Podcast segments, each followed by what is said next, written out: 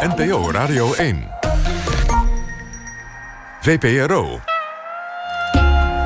Nooit meer slapen.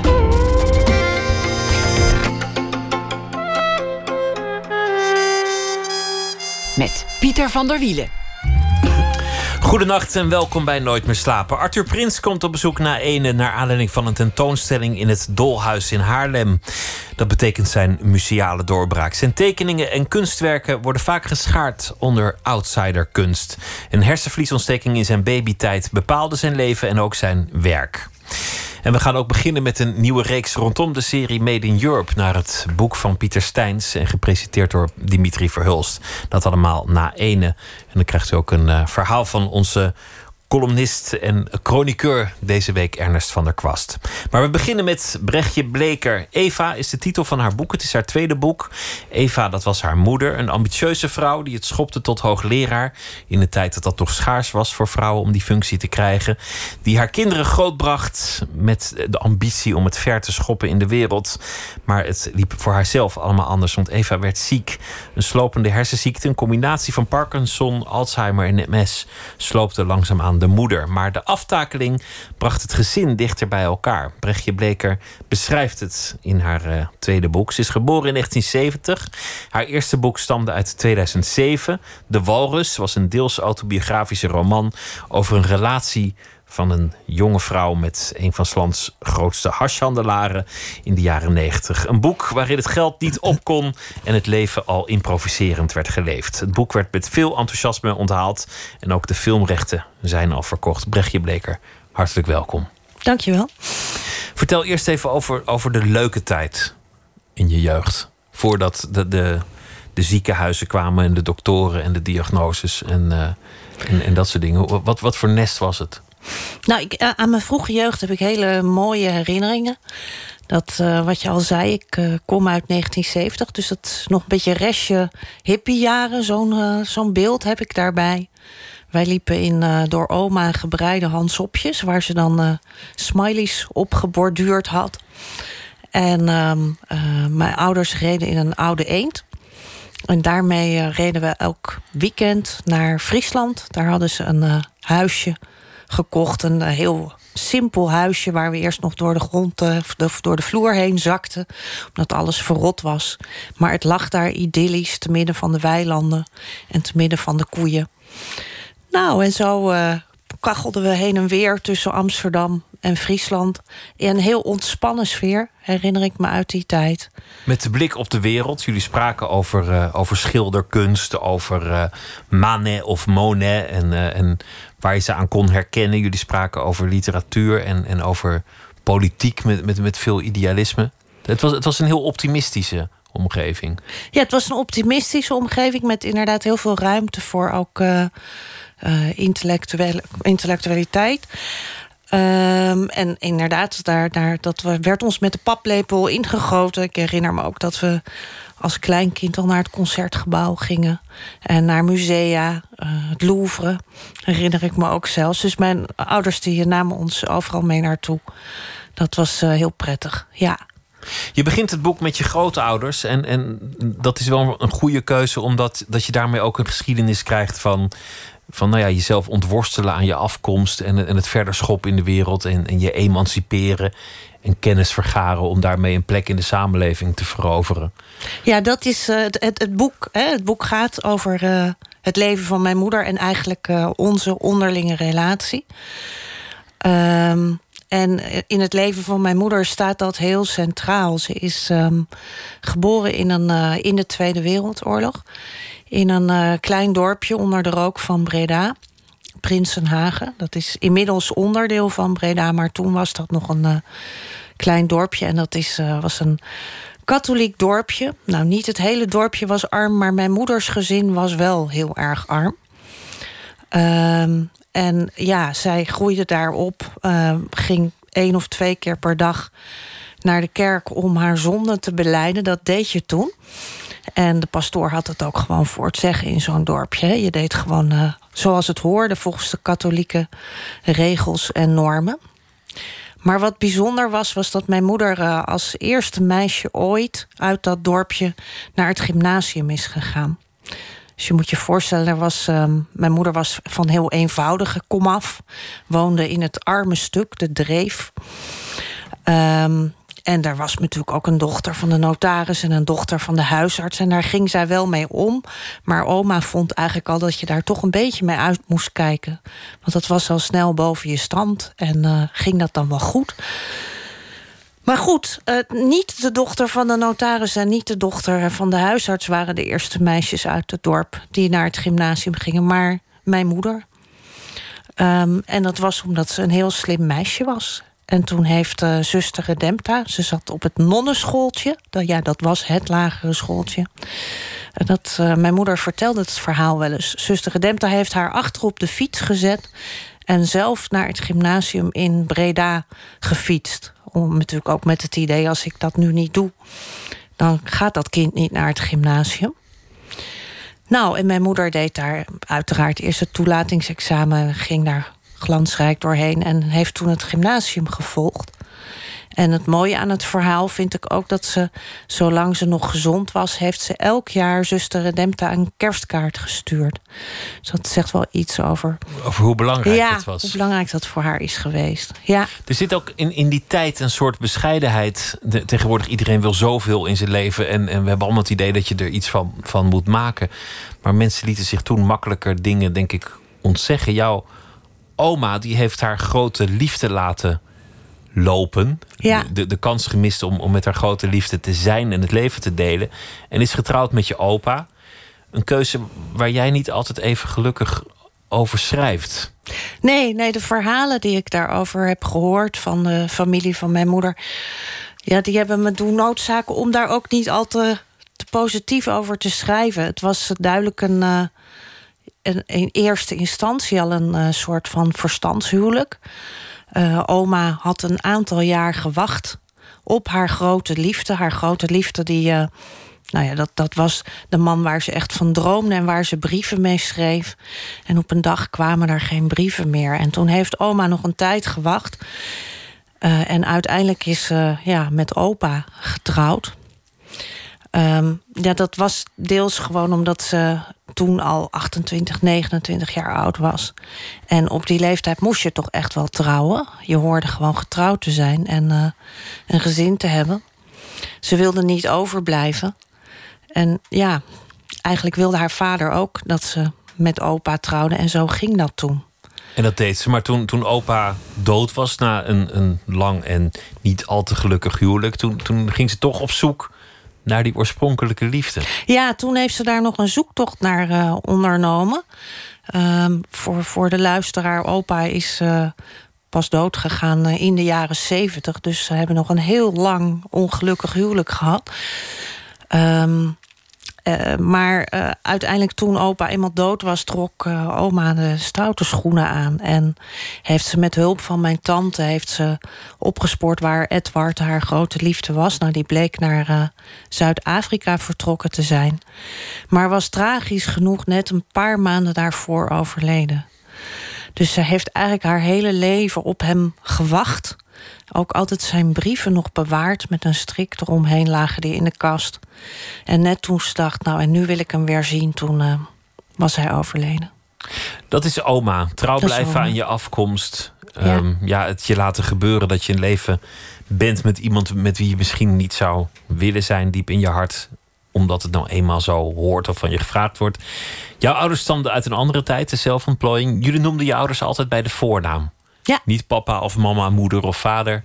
Ja. Nee, dat, dat was zo. In die tijd was dat heel vooruitstrevend. Om je ouders niet papa en mama te noemen, maar in dit geval Jacob en Eva. Overigens, mijn moeder heette Lisbeth, maar in het boek heet ze Eva. dat vertel ik er voor de helderheid maar even bij. Um, maar ja, dat, dat was gewoon zo. Dat was juist goed, want dat gaf je kinderen ook wat ruimte om zichzelf te ontplooien. Zo werden wij ook heel erg opgevoed. We kregen al heel jong, mochten we zelf beslissingen nemen. We kregen kleedgeld toen mijn zus uh, negen werd, maar toen was ik pas zeven. Dus dat was echt wel heel erg jong. En wij mochten ook altijd uh, ja, wel in ons eentje naar winkels toe. eh, waar andere kinderen de deur nog niet uit mochten. En dat had ook hele mooie kanten. We werden gewoon heel zelfstandig opgevoed. Je ouders waren niet de autoriteit, maar een, een soort gelijkwaardige partner binnen het gezin. Ja. In zekere zin wel. Er was veel minder autoriteit, denk ik, dan in een hoop andere gezinnen. Ja. Wij werden heel snel als een volwaardig persoon gezien. Ja. Je ging relatief jong eh, een, een reis maken door Rusland. In de tijd dat dat Ja. nog, eh, nog, nog spannend was. Ja. En dat werd door je ouders enorm toegejuicht. Ja, zeker door mijn moeder. Die vond dat echt helemaal geweldig. Ehm, dat, eh, ja, dat, dat, dat je, dat je zo'n keuze maakte en dat je als meisje ook dat in je eentje wilde doen. Een groot deel van die tocht heb ik alleen gedaan. Nee, dat, daar, daar kon je haar bijna niet blijer mee maken. Ik weet zelfs dat ik, dat staat niet in het boek, maar dat ik in die tijd een, eh, een, een vriend had die ja, dus thuis bleef. En dat mijn moeder ook, eh, hij hoopte heel erg dat we dan samen gingen wonen als ik eenmaal terug was. En mijn moeder zei van, oh nee, maar dat, dat doet ze echt niet hoor. Die had zo haar eigen zelfstandigheidsstreven ook op mij eh, geprojecteerd. Dat ze dacht, nee, dat, dat moet je maar niet doen. Dus we, zo werden we ook opgevoed. Maar ook wel met wat eh, eigenlijk bij oma vandaan kwam. Zorg dat je nooit afhankelijk wordt van een man. Dat had ehm, oma bij al haar kinderen daarin gepeperd. Want die had haar eigen ongelukkige huwelijk als voorbeeld. En ehm, ja, daar zat natuurlijk ook. De mooie kant was het heel geëmancipeerde, maar ook wel. eh, er werd wel flink opgeduwd van zorg echt dat je nooit afhankelijk wordt van iemand.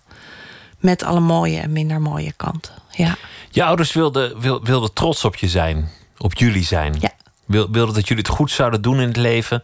Dat jullie het ver zouden schoppen. Dat jullie eh, zelfstandige, ontwikkelde mensen zouden worden. ja.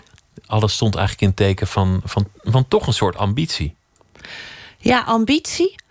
Ehm, en ik denk, en dat, nou ja, dat begon zo te spelen in mijn puberteit. Het was aan de ene kant ambitie en ook eh, wel een soort van angst dat we niet goed terecht zouden komen. Ehm, en dat maakte de verwachtingen wel wat hoog. Waar kwam die angst vandaan? Ik denk dat dat echt het doorgeven van hun eigen eh, verleden is geweest. Zij hebben zich allebei vanuit een heel arm milieu omhoog geworsteld. Ehm, en waren ook dus, eh, ik weet dat zij in de studentenvereniging ook nog wel de, de arme studenten waren, degene die uit de arme milieus kwamen. Dus ze hebben altijd het gevoel gehad van je moet je gewoon aanpassen en meegaan en heel erg je best doen en dan lukt het. En dat hebben ze, en dat hebben ze denk ik meer onbewust dan bewust eh, gedaan, ook heel erg op mijn zus en mij eh, geprojecteerd. Van je moet altijd optimaal presteren. Eh, een negen is niet genoeg, zeg maar. Toch de angst dat die, dat die opmars, die maatschappelijke opmars, bij jullie misschien wel zou eindigen. Ja, dat die zou eindigen en niet alleen zou eindigen, dus in de zin van dat we ehm, een gewoon beroep zouden hebben, maar ik denk zelfs onbewust de angst dat we echt terug zouden vallen in armoede. Dat zat heel erg in hun houding van help als je niet uitkijkt, het kan zomaar slechter worden. Zelf werkten ze allebei eh, ontzettend hard. Ja. En, en jouw moeder schopte het ook ver. Die werd uiteindelijk hoogleraar. Ja. Had ook wel eens conflicten op de werk. En had ook wel eens eh, moeite met, met bazen en, en, en dat soort dingen. Het was, het was niet een, een, een makkelijke weg, denk ik. Nou, dat de moeite met bazen die zij had. Ik denk dat ze daar trouwens heel charmant mee omging hoor.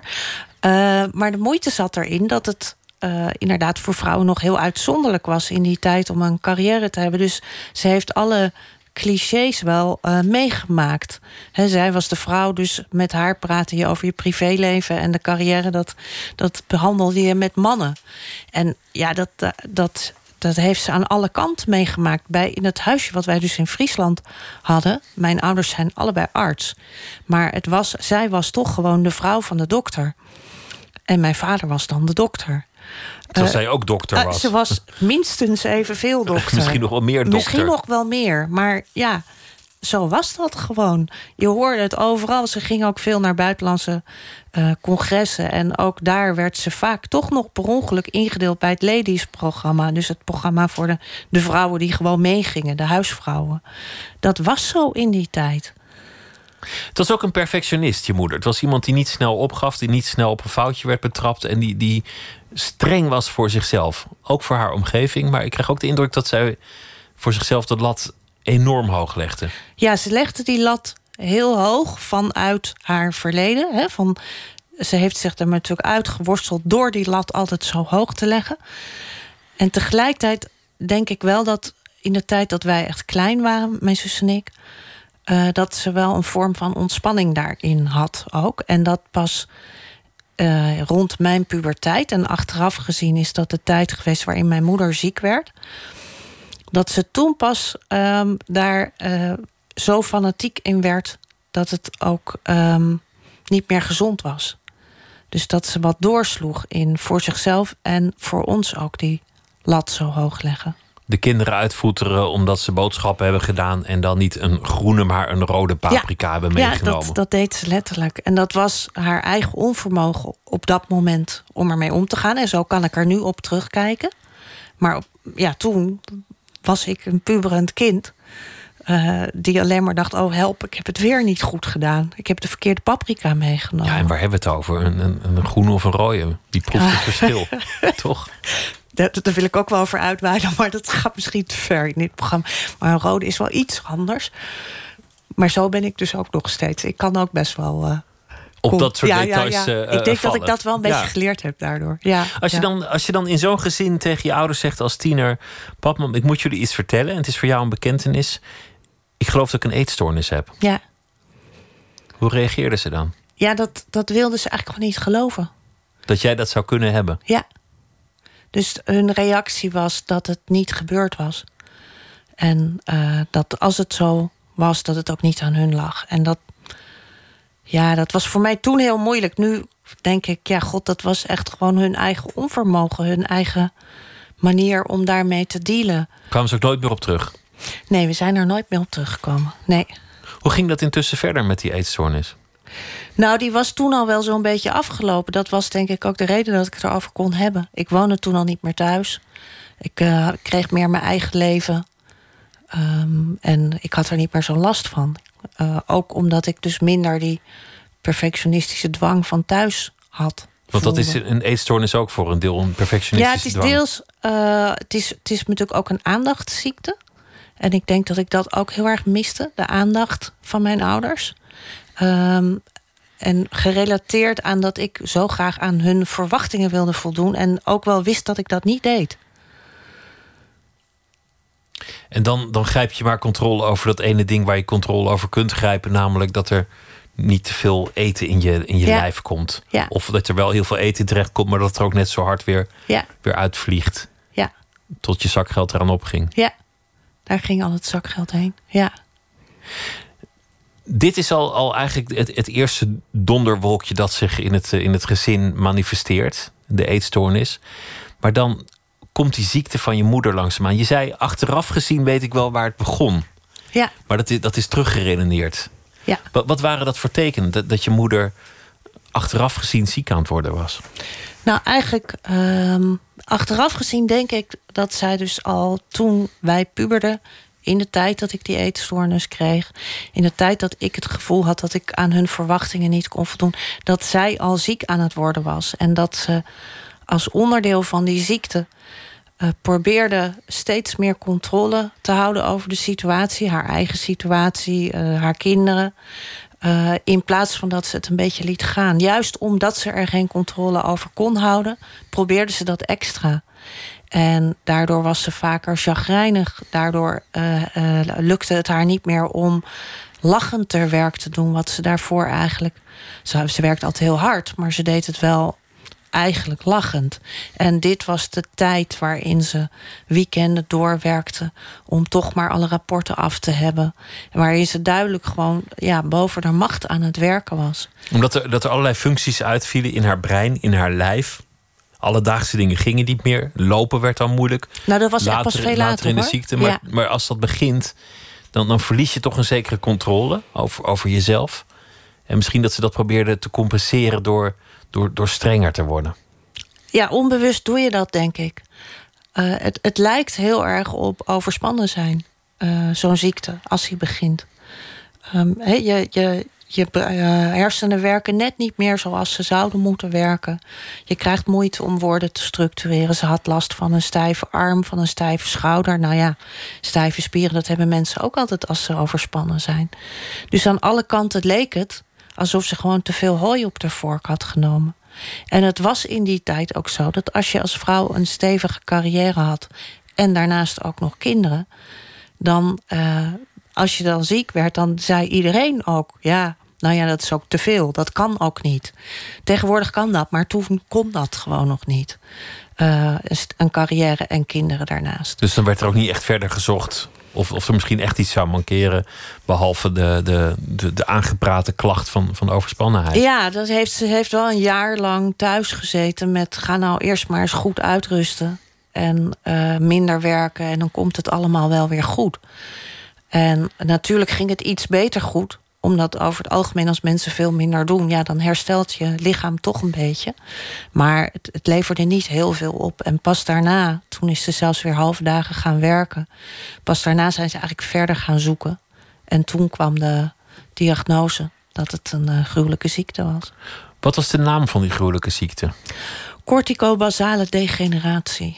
Corticobasale degeneratie. Ja. Het is hele mond vol, maar het, het betekent eigenlijk dat je een hersenziekte hebt die een, soort kwaadaardige mengeling is van toch al drie ernstige ziektes: Parkinson, Alzheimer en MS. Ja, het is goed dat je dat zegt. In het boek ehm, is het in die tijd, dus dat, dat is uh, begin jaren negentig geweest.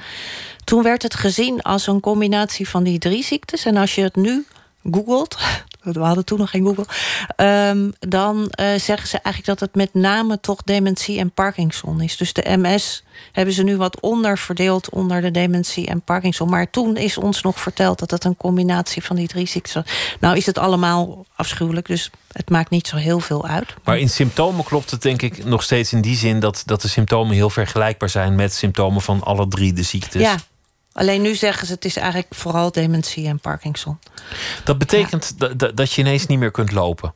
Of dat betekent dat je zo geconcentreerd bent op lopen dat je vergeet je arm uit de bus te bewegen. Ja. Is, is moeilijk uit te leggen, maar zo zij een keer klem komen te zitten in, in de deuren van de bus, omdat ze gewoon waarschijnlijk die arm niet op tijd wegkregen. Ja, het is trouwens uh, niet zo dat ze ineens niet meer kon lopen. Het heeft juist heel, heel, heel erg lang geduurd. Het is een enorm proces geweest van jaren, waarin ze heel langzaam aftakelde. Maar wat een van de verschijnselen inderdaad was, was dat ze um, vaak ook niet meer wist, en zeker in de loop van de tijd niet meer wist, wat er bij haar lichaam hoorde. Dus ze kon nog wel beredeneren dat haar arm bij haar lichaam hoorde. Maar als ze hem naast zich zag liggen op de bank, dan dacht ze eerst van hé, hey, wat ligt daar? Wiens arm is dat? Wiens, wat ligt daar eigenlijk? En pas daarna dacht ze, hé, hey, dat is mijn arm. Dus je hebt niet meer van binnenuit het gevoel dat jouw arm bij je hoort. En dat compenseerde ze, ja, omdat ze ook zo was, gewoon met heel goed nadenken. En dus als je uit een bus stapt, uh, ook heel goed nadenken van, oh ja, ik moet die stap nemen, ik moet die stap nemen. Maar omdat ze dan geconcentreerd was op die stappen die ze moest nemen, vergat ze haar arm. En dat gebeurde gewoon af en toe. Dan zat hij tussen de deur of bij het opendoen van gewoon de huisdeur of bij de bus. En vaak ging het goed, want dan had ze zich er wel op geconcentreerd. Maar op het moment dat ze het vergat, ging het niet goed. De tragiek is dat iemand die heel perfectionistisch is, juist niet meer in staat is dingen goed te doen. En ook hele alledaagse dingen goed te doen. En waar ze dan de oplossing zoekt, is in nog meer perfectionisme. In het hele boek blijkt dat ze het heel graag goed wil doen. Dat ze, dat, ze, dat ze eigenlijk de oplossing zoekt in zelf maar goed haar best doen in het, in het oplossen van, van de kwesties. Ja, ik denk ook omdat ze altijd gewoon vertrouwd heeft op haar hersenen. En het heel moeilijk is geweest om dat los te laten. Juist die hersenen. Ja, haar hersenen hadden haar gebracht waar ze gekomen is, tot hoogleraar. En daarna waren het de hersenen die haar langzaam in de steek lieten. Maar haar haar reactie is altijd geweest om toch inderdaad harder te proberen omdat ze daar wel altijd verder mee gekomen was. Nog weer harder proberen. En als het niet lukt, probeer je het nog een keer. En dat was ook gewoon haar karakter. Ontzettende doorzetter. Gaande de ziekte, eh, eh, zoals je zegt, het, het was een proces van jaren en het, het werd steeds moeilijker. Eh, gebeuren er allerlei dingen. Dat ze, dat ze denkt dat er is ingebroken of dat ze het gewoon niet meer weet. Dat, ze, dat er portemonnee kwijt is. Dat ze in bad zit, maar dat er helemaal geen water in dat bad zit. Omdat het gewoon niet gelukt is om dat bad te nemen. En, en ze daar naakt zit. Nou, nou, zo zijn er heel veel van die, van, van die momenten. Jij bent dan een, een, eh, een vroegvolwassene. Een, Ja. een, eh, je zit ergens in je adolescentie. Je bent je aan het losmaken juist van dat nest. Ja, En ineens wordt, wordt van je gevraagd om terug te keren. Ja. En, en zorgende taken uit te voeren. Hoe ben je daarmee omgegaan? Ehm, in het begin vond ik dat heel lastig. Of, of iets. Ja, lastig was het niet. Ik denk dat ik ehm er ook gewoon in het begin nog niet goed over nadacht. Ehm, het ging heel langzaam. We hoopten allemaal dat er toch nog een therapie zou komen. Dat ze niet zo snel zou verergeren. Het was ook onduidelijk wat de diagnose was. Dus een tijd, nou, konden we er op die manier ook nog wel verder mee omgaan. Van nou, we, we kijken het nog even aan. Maar ik herinner me ook wel een moment ehm, dat ik op vakantie was. Ik ging altijd heel veel op reis. En dat was in Australië. En toen stond ik naar een ehm, eh, speeltuin van met kinderen, spelende kinderen, te kijken. En toen dacht ik, ehm, ik wil gewoon nu eh, van mijn moeder gaan houden zoals ze is. Want als ik dat nu niet ga doen, dan ga ik het later ook op mijn eigen kinderen overbrengen. Dat je perfect moet zijn of dat dat belangrijk is om perfect te zijn. En dat is voor mij een heel wezenlijk moment geweest. Toen heb ik eigenlijk de knop omgezet en gedacht: ik wil er gewoon voor er zijn zoals ze is. Ook al is ze niet perfect, ook al is ze misschien, zoals het op laatst zeker was, niet eens meer herkenbaar als de moeder die ze ooit was. Nee, maar tegelijkertijd, ja, kijk, helemaal op het laatst was ze ontzettend slecht. Nou, daar komen we straks wel. Maar ehm, ik heb juist aan de tijd dat zij eh, al eh, behoorlijk afgetakeld was, hele goede herinneringen. En dat was ook een van de redenen waarom ik dit verhaal wilde schrijven. Om niet alleen een beeld over eh, dementie neer te zetten als aftakeling en gang naar een verpleeghuis, maar om aan te geven dat het er dat een karakter verandert. Mijn moeders karakter veranderde ook door de ziekte. Ze werd zeker naar mij toe op een gegeven moment een stuk ontspannender. Ze kon het laten gaan. Ze hoefde niet meer perfect te zijn. Ehm, en we hebben toen ontzettend een goede tijd gehad. En dat wilde ik juist ook beschrijven. Dat het eh, omgaan met dementie op een hele liefdevolle manier ehm, is iets anders dan dat het alleen maar gaat over iemand takelt af. Iemand wordt anders, maar kan nog steeds ehm, een heel mooi persoon zijn om mee om te gaan. En het, het wezenlijk van iemand houden zoals hij is, dat heb ik wel geleerd in die tijd. Het mooie van wat je zegt is dat je, dat je altijd een persoon bent blijven zien. Ja. Terwijl, terwijl het heel goed mogelijk is en, en invoelbaar dat je niet meer een persoon ziet, maar een ziekte. Dat je iemand alleen maar ziet als een, als een manifestatie Klopt, van en dat, dat lees je ook in heel veel wat over dementie wordt geschreven. En, en zo heb ik het niet ervaren. En dat was dus ook de reden om het op te schrijven. Omdat ik hoop dat het voor andere mensen ook iets eh, doet. Dat ze daar op een wat positievere manier mee om kunnen gaan. Ik heb haar altijd gezien als een persoon. En ik, als ik nu aan haar denk, denk ik ook nog steeds aan de tijd waarin ze ik noem dat in het boek Mijn Kleine Puk was. Dus waarin zij aan mijn handje liep. En waarin ik haar aankleedde. Maar waarin we wel ontzettend veel lol hebben gehad samen.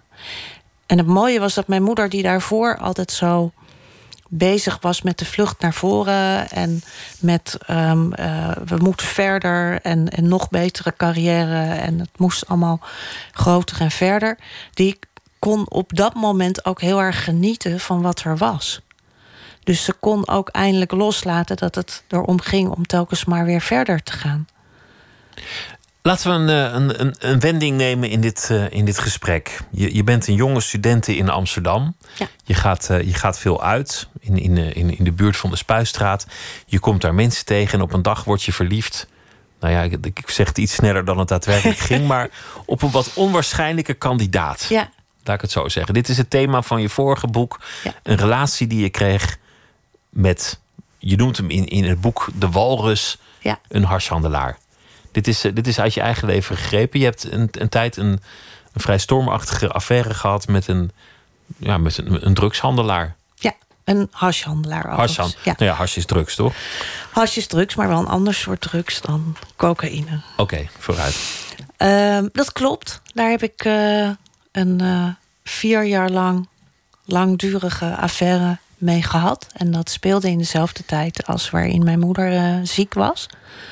Ehm, en voor mij is de hashhandel, wat overigens een, een heel. Ik heb het ervaren als een heel kinderlijke wereld. Dus het had niets te maken met eh, pistolen en, en eh, schietpartijen en zo. Dat, ik heb het veel meer ervaren als een wereld van oude hippies... die allemaal niet op wilden groeien. eh, en allemaal niet zo toe waren aan later. En dat was ik zelf toen ook. Maar de, de walrus had wel degelijk een pistool. helemaal aan het einde had hij wel een pistool. Ja. Of hij die ooit gebruikt niet, had, Nee, dat, en dat, dat had hij ook niet bij zich. Hè. Dat is toch wel iets anders of je iets thuis ergens in de kluis hebt liggen. Het boek- het- boek is interessant om, om een aantal redenen. Namelijk, het, het is ook een soort eh, stuk geschiedenis... waarin de hashhandel van eh, zijn onschuld verloor. Waarin, Ja. waarin de, de echt enge jongens het overnamen. De, de, de gangsteroorlogen die begonnen, waar, waar de, de kranten nog steeds vol van staan. De, de, de, de holleders en de Ja. wierenmets en, en noem maar Ja. op, die kwamen.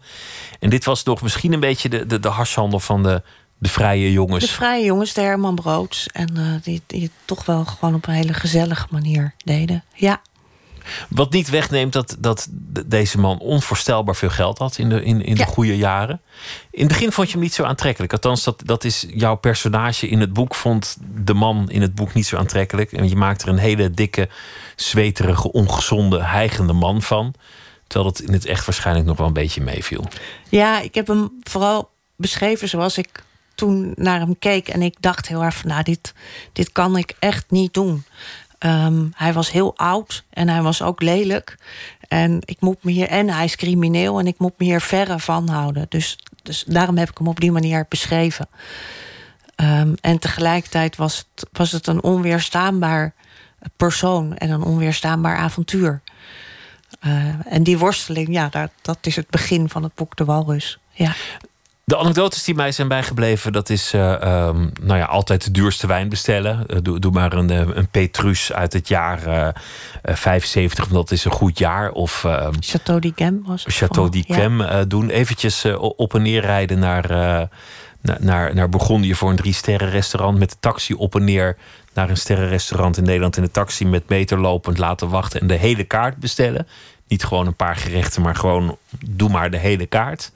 Eh, een, meerdere kamers huren in een hotel in Nice, zodat je kunt kiezen van welke hoek de zon komt.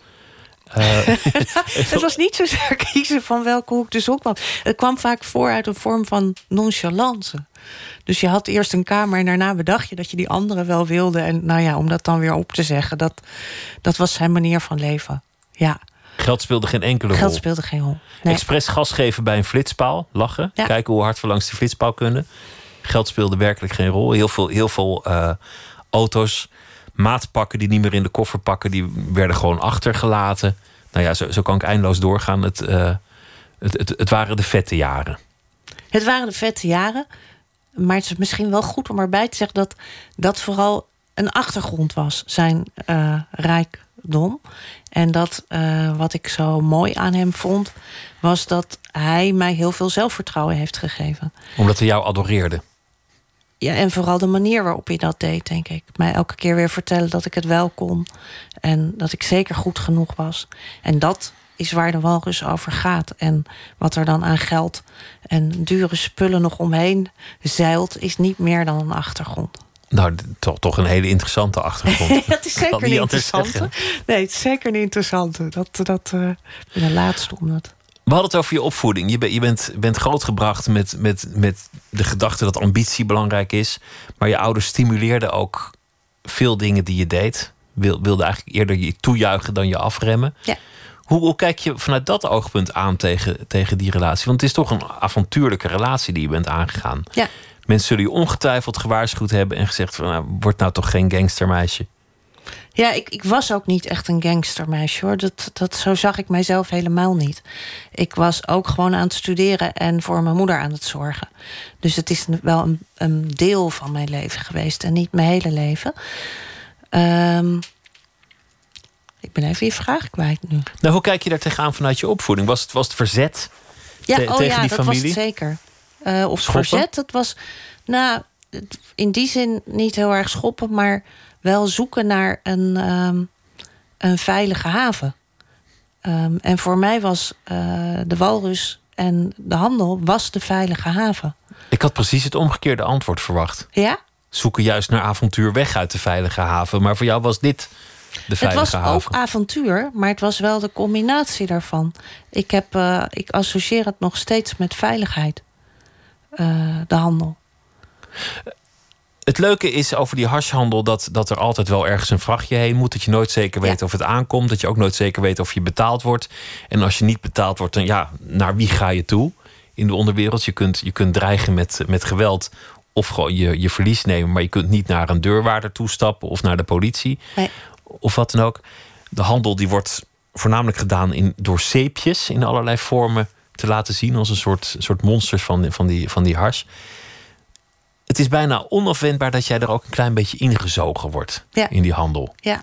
Dat je Vond toch ook het bedrijf gaat runnen een beetje. Nou, dat, dat is niet heel erg gebeurd hoor. Dat is in het boek gebeurd, maar dat valt wel mee.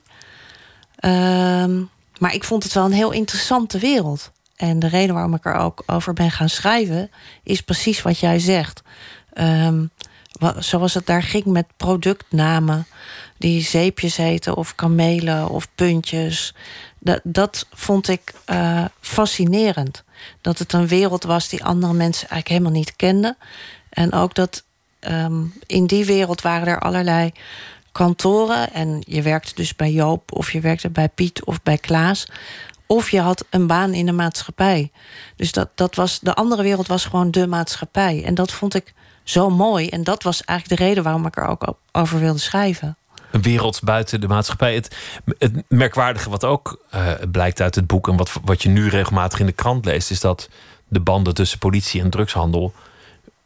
vrij direct waren. Ja, die waren in die tijd ook vrij direct. Ja, Dat, dat iedereen wel een agent in zijn zak had... die die af en toe wat betaalde. ja. En dat de politie hem ook soort van in bescherming nam... omdat ze dachten, er zijn, er zijn eigenlijk grotere rotzakken... die we de handel niet gunnen. Nee, het was zelfs wel meer dan in bescherming nemen. Die hele scene van hashhandel was in Amsterdam gewoon eh, zo onderdeel van het systeem. Dat de politie ook nog wel eens binnenkwam en kwam vragen: kennen jullie die en die? En dan gingen ze gewoon weer weg daarna. Dus het werd wel echt gedoogd. Hash Ja. vonden ze gewoon echt niet erg. Nee, in die tijd niet. Nee. Op een zeker ogenblik dan, dan, eh, dan strandt het goudschip. Het, het gaat niet goed. En, en, en de erfenis, dat werd ja, een instortend imperium en heel veel schulden. En, en eh, de handelaar in kwestie ging plotsklaps dood. Ja, En jij werd soort van degene die, die dat moest gaan oplossen. Is, is dat ook in het echt zo gegaan? nee, dat is in het echt niet zo gegaan. Dat was fictie. Dat was fictie. Wat wel in het echt gebeurde, want, want hier komen beide verhalen samen, is dat, dat jouw moeder zieker en zieker werd. En, Ja. en voor jou die zorg een steeds zwaardere taak werd.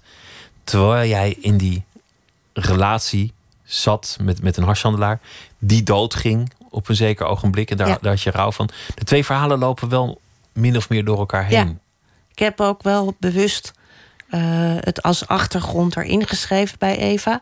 Maar ook wel heel bewust heel klein gehouden.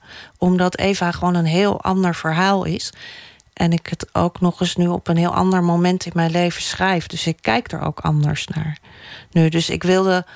Eh, nou ja, je kunt eigenlijk het verhaal over mijn moeder, daar kan ehm, mijn leven, wat ik dan eh, met de walrus had, kan daar logischerwijs maar een heel klein stukje van zijn. Want het verhaal Eva gaat over mij en mijn moeder.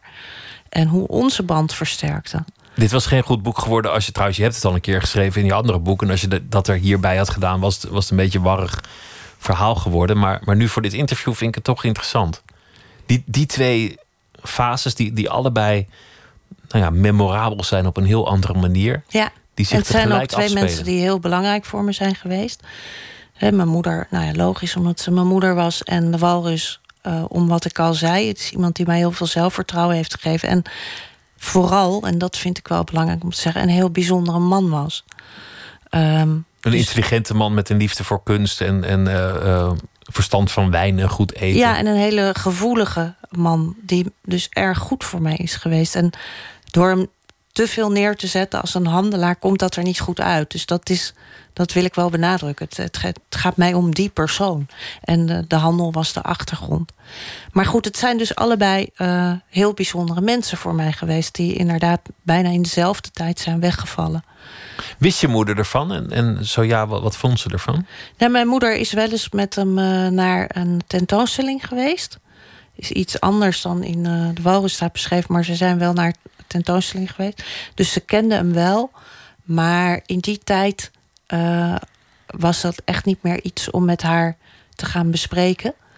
Uh, dus ze wist gewoon dat het een vriend van mij was. Ja. En er waren grotere zorgen dan dat? Ja, dat, dat is eigenlijk wat in die tijd heel erg overheerste. Was, dat, was de ziekte van mijn moeder. Uh, dus alles speelde zich verder op de achtergrond af. Um, ik had veel contact met mijn vader, maar dat ging alleen maar over de ziekte van mijn moeder. We belden elke week en dan was het: Goh, wat is er nu weer niet goed gegaan? En kan jij er ergens heen brengen? En kan jij er dan aankleden? Um, en dat hebben we bijna tien jaar lang gedaan. In ieder geval wel zes, zeven jaar. Um, en achteraf gezien is dat gewoon heel zwaar geweest om ook zo lang je vooral op zo'n ziekte te concentreren. Je vader krijgt op een zeker ogenblik een, uh, een vriendin. Ja.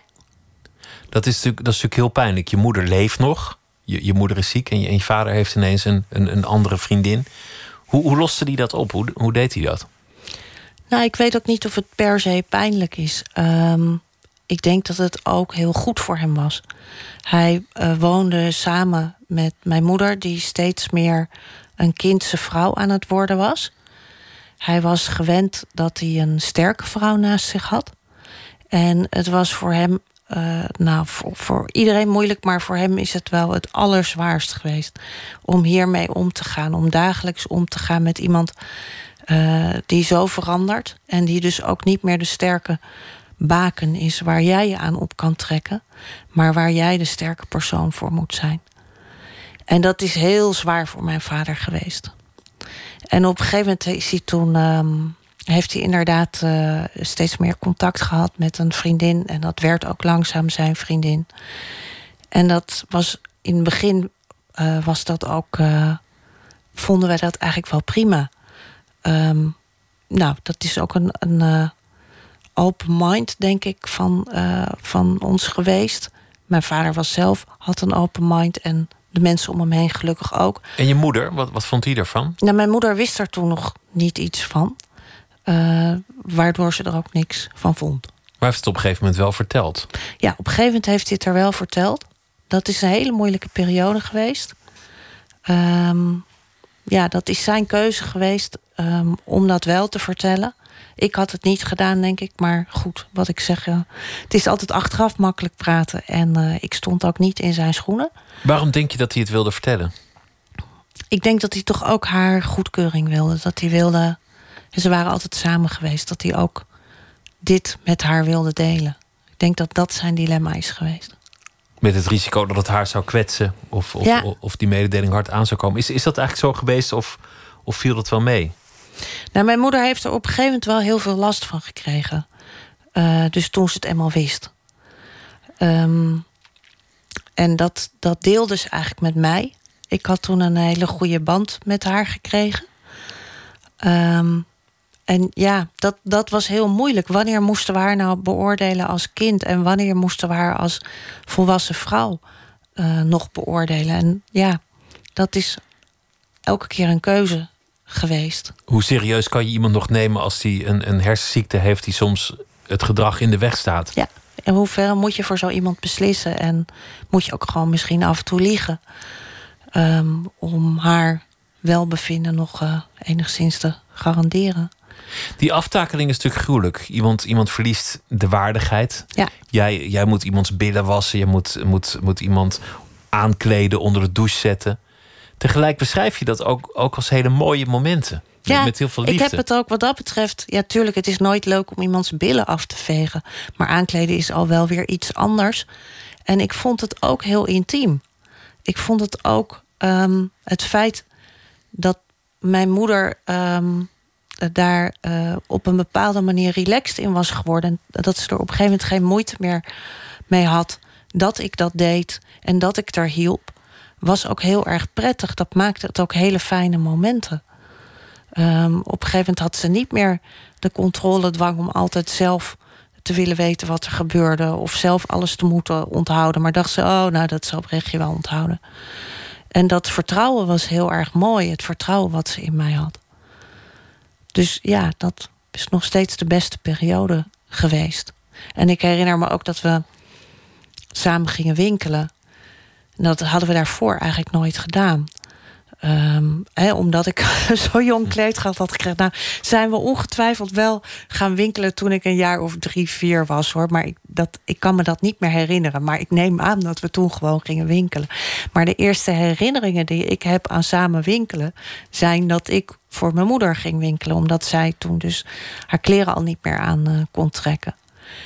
En um, dat waren hele mooie momenten. We zaten samen in, uh, in een pashokje. En dan, ze wilde ook altijd dat ik ook iets voor mezelf zou uh, passen. Want dan kon ze iets voor mij kopen. Nou, dat vond ik al heel erg lief. Um, en af en toe was ik dan mezelf dus aan het aankleden. En dan probeerde zij toch om uh, kleren die ik het kleedhokje mee had genomen... om die aan te trekken. Maar dan trok ze bijvoorbeeld een blouse echt helemaal achterstevoren aan. En ik herinner me nog dat ze me dan met een serieus gezicht aankijkt van... Brecht, is dit iets voor mij? En dat ik ontzettend moest lachen. En dus begreep zij ook wel dat er iets heel raars aan de hand was. Dus uiteindelijk zaten we schaterlachend met z'n tweeën tegen de muur geleund in zo'n kleedkamer. En dat was heel intiem en heel mooi om gewoon allebei te kunnen lachen om hoe fout het was gegaan. Veel relativering uh, zit erin. Voor, voor, voor, wie later inschakelt, uh, het boek heet Eva en Brechtje Bleker, die zit, zit tegenover mij. Op een zeker ogenblik komt natuurlijk de dood. En, en die, die nadert met rassenschreden. En dan, dan zijn jullie de hele tijd daar samen als gezin. Wachtend op, op die dood. Pizzapunten etend en, en uitdelend. En anekdotes uitwisselend. En over het leven pratend terwijl iemand langzaam wegglijdt. En dan is het ineens gebeurd. Ja. Je, je moeder is dood. Ja. Hoe herinner je je dat? Nou, dat herinner ik me eigenlijk een beetje zoals jij het nu weergeeft, wat uit het boek komt. Ze is, heeft eerst nog, dat is misschien wel goed om te weten, ze heeft drie jaar in een verpleeghuis gezeten. Het eerste jaar uh, was ze nog redelijk goed en herkende ze me ook. En konden we ook nog wel wandelingetjes maken, voorzichtig dan. Nou, in het tweede jaar ging dat al niet meer. En het derde jaar was ze totaal kwijnend hoopje ellende geworden in een rolstoel. Ze werd vaak nog wel in een rolstoel gezet. Um, en of ze uiteindelijk de laatste maanden lag ze zelfs heel veel alleen nog maar in, uh, in bed. En die, die, die laatste week die jij, uh, uh, waar je het net over had. Ja, ze was al zo lang dus niet meer echt aanspreekbaar. Reageerde nog maar heel af en toe op mensen. En toen is ze gestopt met drinken, maar heeft het uiteindelijk nog zes dagen geduurd voordat ze overleden is. Ik denk omdat ze toen nog steeds die enorme wilskracht had om door te gaan met leven. Um, dus wij zaten inderdaad rond haar bed. En ja, de eerste twee dagen was dat nog heel beladen. En nou, de familie kwam. We waren allemaal heel stil. Want het was natuurlijk het moment was er nu dat ze zou overlijden. Kwam toch een soort plechtigheid omheen? Een soort plechtigheid, maar ja, bij dag drie en vier kreeg je bijna het idee van... god, dit is gewoon weer een nieuwe fase. En dat komt omdat ze natuurlijk al zo lang aan het aftakelen was... dat je aan de andere kant ook gewoon bijna niet beseft... dat ze uiteindelijk zal overlijden. Dus toen zaten we op een gegeven moment inderdaad met de pizzapunten rond haar bed. Ja, en ook omdat het daarvoor zo tragisch was geweest, viel dit eigenlijk dan qua tragiek nog wel een beetje mee. Het was zeker niet leuk, maar het was in ieder geval, nou ja, het was ook eigenlijk gewoon heel prettig dat ze zou overlijden en dat het lijden van haar zou stoppen. Ook een opluchting. De dood was niet het ergste. Nee, dat na, na het lijden wat zij heeft gehad, was de dood denk ik niet het ergste. Nee. En ja, toen inderdaad was uh, overleden. En ik denk dat we toen allemaal nog zo moesten wennen aan het feit dat ze overlijden was. Uh, dat ik me vooral herinner dat um, in het eerste voorjaar en de zomer. Ja, mijn vader en ik die belden altijd heel veel dus over mijn moeder van wie wat ging doen. En dat we dat bijna automatisch kopieerden op wie er dan de plantjes op het graf water ging geven. Dus dat we elkaar nog steeds drie keer per week belden van ja, maar ga jij nu de plantjes water geven of ga ik de plantjes water geven? Een soort zorgtaak zijn om elkaar nog maar ja, blijkbaar, te kunnen blijven zien. Nou, ook, maar ook een soort automatisme dat je, dat je eigenlijk denkt van. Uh, hoeveel maken die plantjes nou uit? Ik bedoel, we hebben daar voordelen voor gezorgd. Nou, laat nu maar even. Dat hebben we uiteindelijk ook gedacht hoor. Na een aantal maanden keken we elkaar aan en dachten: wat zijn we nou in godsnaam aan het doen? Maar blijkbaar zit het zo in je systeem om daarmee door te gaan. Dus dat was eigenlijk wat er gebeurde. Ja, je kopieert nog een beetje het gedrag wat je al hebt, jarenlang. Je hebt dit boek geschreven om, om te laten zien dat, dat aftakeling en, en liefde hand in hand gaan. En dat het niet alleen maar een, een, een naar proces is, maar dat er ook schoonheid zit ja. in, in, in al die narigheid. Je hebt dat, dat boek uh, daarvoor, De Walrus, geschreven om iets te laten zien over een, een bijzonder man en een bijzondere relatie. Over iemand die, die in vrijheid wil leven, die improviserend leeft en niet, niet volgens, uh, volgens het regelmatige leven dat. Uh, misschien anderen van je zou, zouden verwachten. Onderweg bleek dat, dat je wel degelijk heel goed kan schrijven. Je, je, vorige boek is heel mooi gerecenseerd. De filmrechten zijn verkocht. En toen kwam de aankondiging dat je met nog een ander boek bezig was. Wat, wat eigenlijk ook weer over. Nou ja, maffia mag ik vast niet zeggen van jou, maar over maffia ging. Ja, het gaat over een, uh, uh, een mafioos die de werkelijkheid niet aan kan en daarom in fictie is gaan leven. En uh, ik heb dat ook gebaseerd op een man die ik goed ken. Ik heb daar geen relatie of zo mee gehad. Het is puur gewoon observerend wat ik heb gedaan. Maar ik vond het wel een heel mooi gegeven dat zijn leven zo zwaar was dat hij echt de werkelijkheid niet meer aankon. En dat boek had ik eigenlijk al bijna af toen uh, het idee ontstond om het boek over mijn moeder te gaan schrijven. Ik ben daar heel impulsief mee begonnen met het boek over mijn moeder. Ik liep eigenlijk met een. Uh, vriend over het strand. En die vertelde ik over mijn moeder en hoe zwaar dat was geweest in die tijd. En die zei: uh, Moet je dat verhaal niet gaan schrijven? En ik zei toen eerst, want dat was ik altijd van plan van nee, maar dat wordt mijn achtste boek. Omdat ik altijd dacht, ja, dat ga ik schrijven als ik heel oud ben. En dan ga ik twee of drie jaar lang in mijn eentje in een huisje zitten. Want het wordt zo zwaar om dat te schrijven. En toen, terwijl ik het zei, dacht ik, nee, ik moet het inderdaad nu schrijven. En toen die middag ben ik begonnen.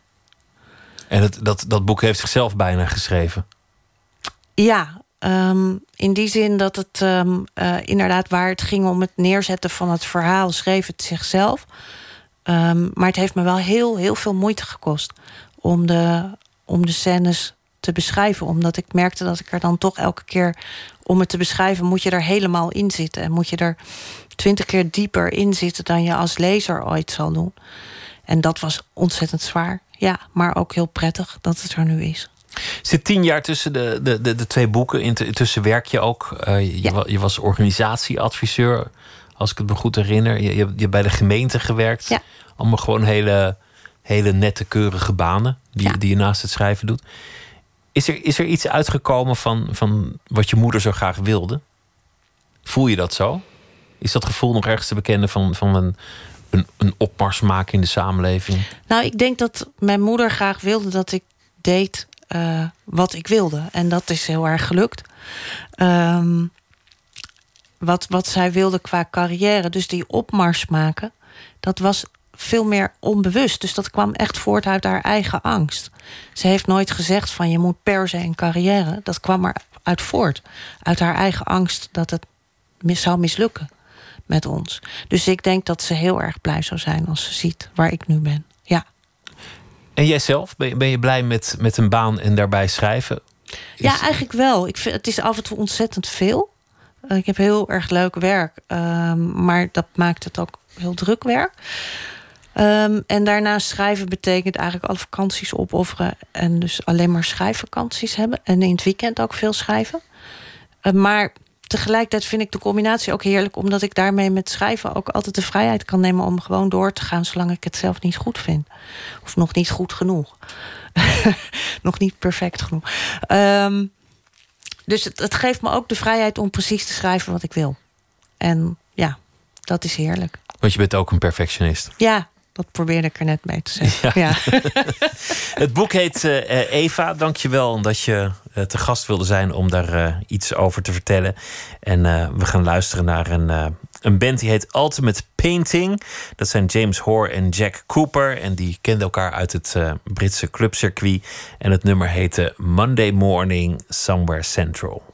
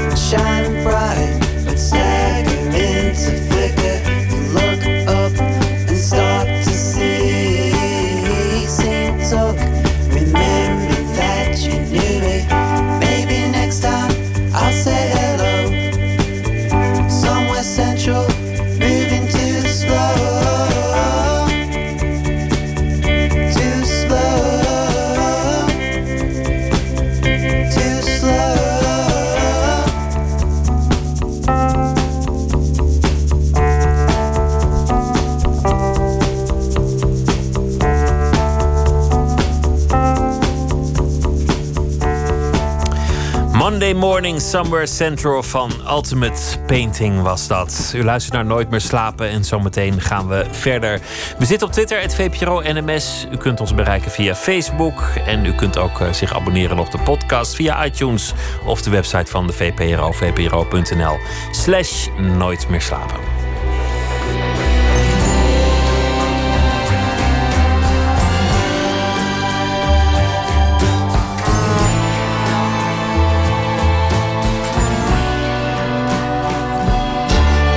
Radio 1.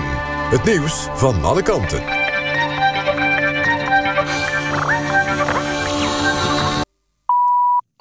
1 uur, Maarten Stultjes met het NOS Journaal. Het Amerikaanse inreisverbod voor reizigers uit zeven landen blijft opgeschort. Het Hof in San Francisco handhaaft een eerdere uitspraak van een lagere rechter... waartegen de regering in beroep was gegaan. President Trump wil reizigers uit de zeven overwegend moslimlanden... tijdelijk weren uit de VS omdat daarmee de nationale veiligheid vergroot wordt. Het Hof zegt dat daar geen enkel bewijs voor is geleverd. Het inreisverbod geldt niet totdat er een oordeel van een hoge rechter is. Een groep van 220 artsen spreekt zich via een advertentie in de NRC uit over euthanasie bij demente ouderen. De artsen vinden euthanasie onwenselijk als die voornamelijk berust op een wilsverklaring die de demente ouderen niet meer kunnen bevestigen. De artsen willen dat zo'n euthanasieverzoek eerst aan de rechter wordt voorgelegd. Die moet beoordelen of er zorgvuldig is gehandeld. Tot 2015 moesten demente ouderen zijn overlijdenswens nog kunnen bevestigen... maar sindsdien zijn de regels veranderd. Moskou noemt de angst in Nederland dat Russische hackers... de verkiezingsuitslag willen beïnvloeden een uiting van gekte. De ministers Plasterk en Koenders zeiden vorige maand... dat Nederland alert is op Russische manipulatie. Een woordvoerder van het Kremlin spreekt van een hysterie waarvoor geen enkel bewijs is.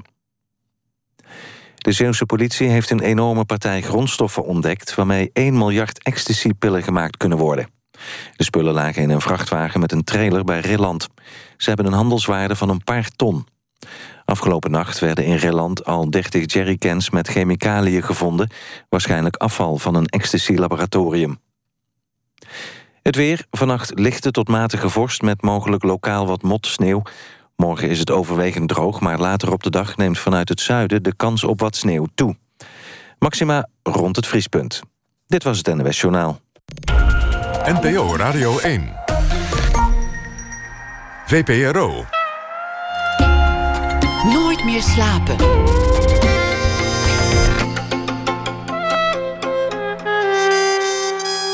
Met Pieter van der Wielen.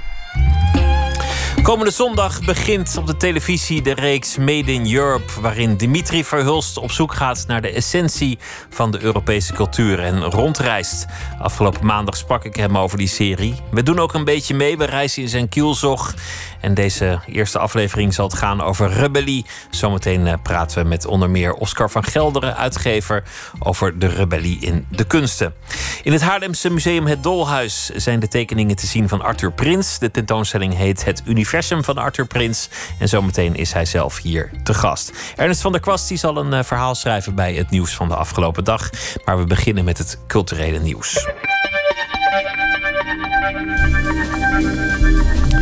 De Queen of Soul, de beste soulzangeres die de wereld ooit kende, Aretha Franklin, gaat met pensioen, heeft ze bekendgemaakt in een interview met, de Amerikaanse, met een Amerikaanse tv-zender. In september komt er nog een nieuw album en ze zal nog een paar optredens geven, maar in 2018 is ze voornemens er helemaal mee te stoppen. Ze is 74, ze heeft een klein beetje last van gezondheidsproblemen en ze wil meer tijd doorbrengen met haar kleinkinderen. Een bleek gelaten, afhangende schouders, wit haar en een spichtig gezicht. Niet echt het beeld dat wij hebben bij Mr. Darcy. Toch moet Jane Austen, schrijver van de klassieker Pride and Prejudice, dat voor ogen hebben gehad bij het bedenken van haar mannelijk hoofdpersonage. Dat zeggen althans experts die op basis van de roman een portret van de hartebreker hebben geconstrueerd. En deze McDarcy die lijkt helemaal op niks, uh, in niks op Colin Firth, die de rol kreeg in de tv-serie. Maar volgens de experts dus was Jane Austen's beschrijving in de 19e eeuw een soort sekssymbool. Oprah Winfrey heeft behoorlijk verdiend aan de verkoop van een schilderij van de kunstenaar Gustav Klimt. In 2006 kocht de tv-host het schilderij Portret van Adele Blogbauer 2 voor 87,9 miljoen. Vorig jaar zou ze het hebben doorverkocht aan een Chinese verzamelaar voor 150 miljoen. En dat betekent dus een keurig rendement van 70 procent. Tot voor kort was het schilderij te zien in het Museum of Modern Art. En wat er nu mee gaat bekeuren, gebeuren, dat is uh, niet bekend.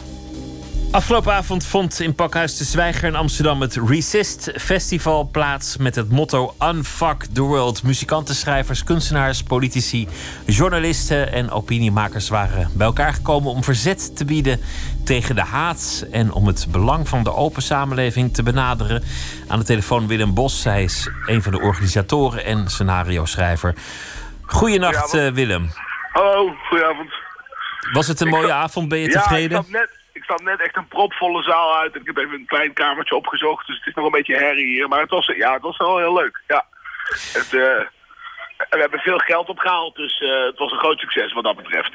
Ja, dat, dat geld is opgehaald samen met Ploemen for Women. Wat, wat is, uh, wat is het doel van dat geld? Twee weken geleden heeft Donald Trump een streep gezet op 500 miljoen euro. Is eigenlijk wel dollars die bedoeld was voor de seksuele voorlichting en uh, voorvoedingsmiddelen en in het, uit het geval abortus in de Vanavond vond in eh, Pakhuis de Zwijger in Amsterdam het Resist Festival plaats. Het motto was Unfuck the World. Muzikanten, schrijvers, kunstenaars, politici, journalisten, juristen en opiniemakers kwamen samen om verzet te bieden tegen haat en om het belang van een open samenleving te benadrukken. Willem Bos is scenario-schrijver van beroep en een van de organisatoren van het evenement. Willem, goeienacht. Goedenavond. Hoe tevreden ben je aan het eind van de avond? Uh, best wel tevreden. Het was, het was druk en het was een, een mooie avond. En we hebben in totaal afgelopen tien dagen 65.000 euro opgehaald. Dus dat is, dat is belangen na niet genoeg, maar wel real money. Dus uh, daar, daar zijn we blij mee. Dat geld is vanuit het initiatief Ploemen for Women. Ja. Wat is het doel van dat geld? Waar moet het heen? Donald Trump heeft er twee weken geleden een streep gezet door 575 miljoen euro. Dat bedoeld was voor uh, seksuele voorlichting en uh, en in het uiterste geval abortus voor vrouwen in ontwikkelingslanden. En eigenlijk meteen daarop heeft Lilianne Ploemen, onze minister van Ontwikkelingssamenwerking, aangekondigd... oké, nou dan gaan wij een fonds oprichten om die schade een beetje op te vangen. En dat vonden we eigenlijk zo mooi met een paar initiatiefnemers op Twitter met name... dat we hebben gezegd, oké, we, we, we zamelen alvast een beetje geld in... En dat is totaal uit de hand gelopen en daar zitten we nu dus op 65.000 euro. En dat gaat naar dat fonds van haar en dat fonds heet She Decides. En daar kun je nog steeds op doneren. SheDecides.eu. Nou is 65.000 euro een prachtig bedrag om in een paar dagen op te halen in Nederland. Het bedrag dat Donald Trump aan, aan fondsen terugriep was een paar honderd miljoen. Ja. Dus, dus, we, dus zijn er nog niet, zou ik zeggen. Nee, we komen nog 574 miljoen 940.000 euro uh, tekort. Uh, dat is, uh, dus in feite zou je ook kunnen zeggen dat we nog steeds op nul staan. Aan de andere kant kun je ook zeggen 65.000 euro is 65.000 euro die er een week geleden niet was. Dus uh, het is iets, en, het, en je zou er ook bij kunnen zeggen, de, dat fonds van Lilianne Ploemen, dat krijgt nu wel een beetje cloud. Dus dit, de Nederlandse staat heeft bijvoorbeeld toegezegd 10 miljoen te investeren. Ik geloof dat er nu 13 landen meedoen die ook gaan investeren. Dus misschien kom je niet op 575 miljoen, maar je komt wel op gewoon een aanzienlijk bedrag. Wat anders gewoon niet bestaan had. Dus dat is sowieso goed volgens mij. Aan de snelheid waarmee dit festival is ontstaan, want het begon op, op social media, kun je aflezen dat er een breed gedeelde zorg is onder veel mensen. Die, die de gedachte hebben dat ze het aan het verliezen zijn van de tijdgeest en de tijd moeten herwinnen. Ja, hoe, hoe zou je dat precies omschrijven, dat gevoel? Wat, wat is er? Wat is precies jij omschrijft nu. ja. Goed werk. Nee. Ja, maar dat is wel wat het is. Mensen hebben natuurlijk, dat begint een beetje bij Brexit en dat begint daarvoor al een beetje bij de opkomst van Wilders in de peiling en dat gebeurt helemaal als Trump wint. En, en eigenlijk, uh, ja, mensen worden wakker, weet je wel. Mensen hadden wel wat eerder wakker mogen worden, mijzelf inclusief. En nu worden ze dat en dus nu willen ze graag toch iets doen. En je merkt wel dat je met de power of many, weet je wel... mensen hoeven niet allemaal in de hele daar een 40 uur per week aan te besteden. Ja, als je, je kan 5 euro doneren. En als vervolgens 10.000 mensen dat doen, dan, dan ben je bij zo'n bedrag, weet je wel. Dus iedereen draagt iets bij. Lawaai maken tegenover uh, de schreeuwlelijke. Ja het festival is nog aan de gang. Ik, ik geloof dat uh, Ilja Leonard Vijver uh, niet zo lang geleden is binnengelopen. Dus het, uh, het feest kan beginnen. Willem ja. Bos, dankjewel. Hele goede nacht. Ja, dankjewel. Jullie ook. Dag.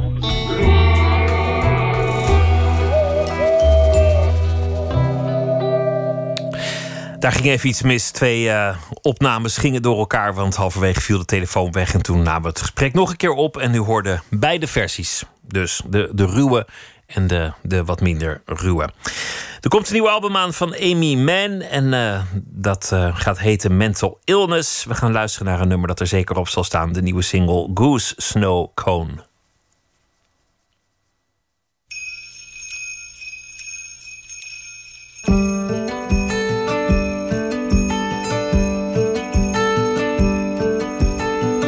Looking into the face of the goose snow cone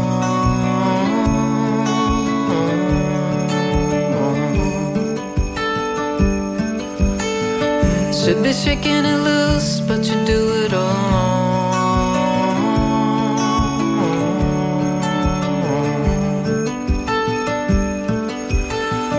Every look is a truce, and it's written in stone.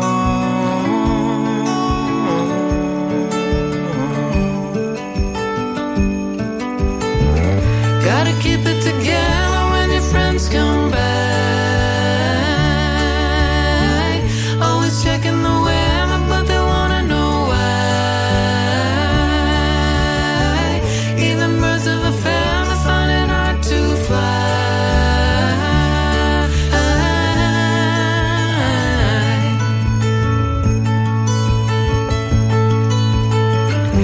I saw at my feet an origami crow.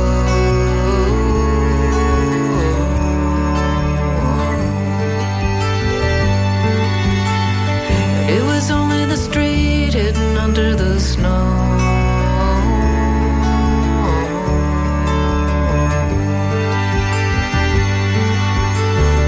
Oh, it's not into fate, it's the devil I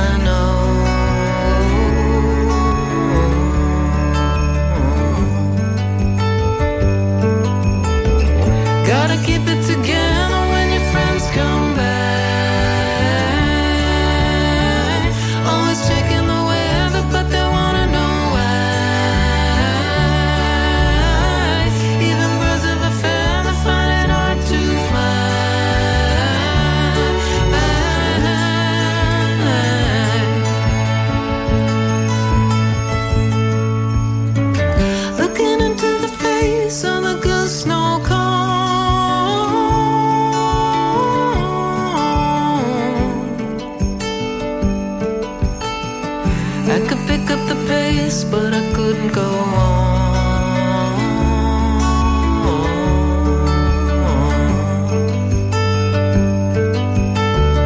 I just wanted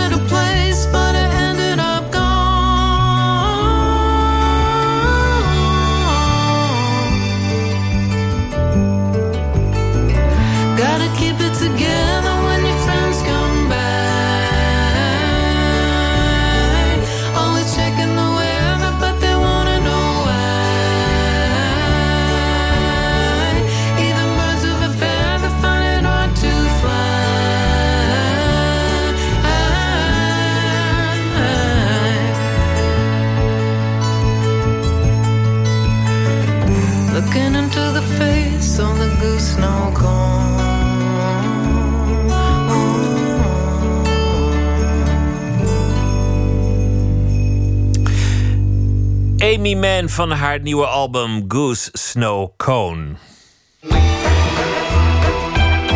Nooit meer slapen. Vanaf zondag te zien op tv een nieuwe reeks Made in Europe. Dimitri Verhulst reist door Europa op zoek naar het culturele DNA van het continent.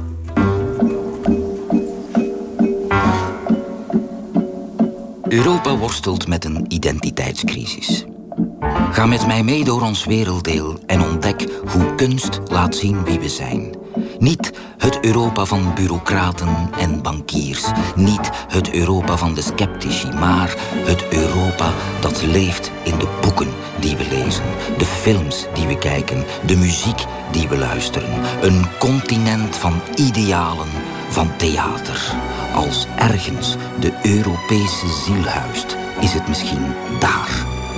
Made in Europe. De kunst die ons bindt. Elke aflevering behandelt Dimitri Verhulst een thema. Ook in Nooit meer slapen vragen we wekelijks een speciale ambassadeur om zijn licht te laten schijnen op het thema van die week.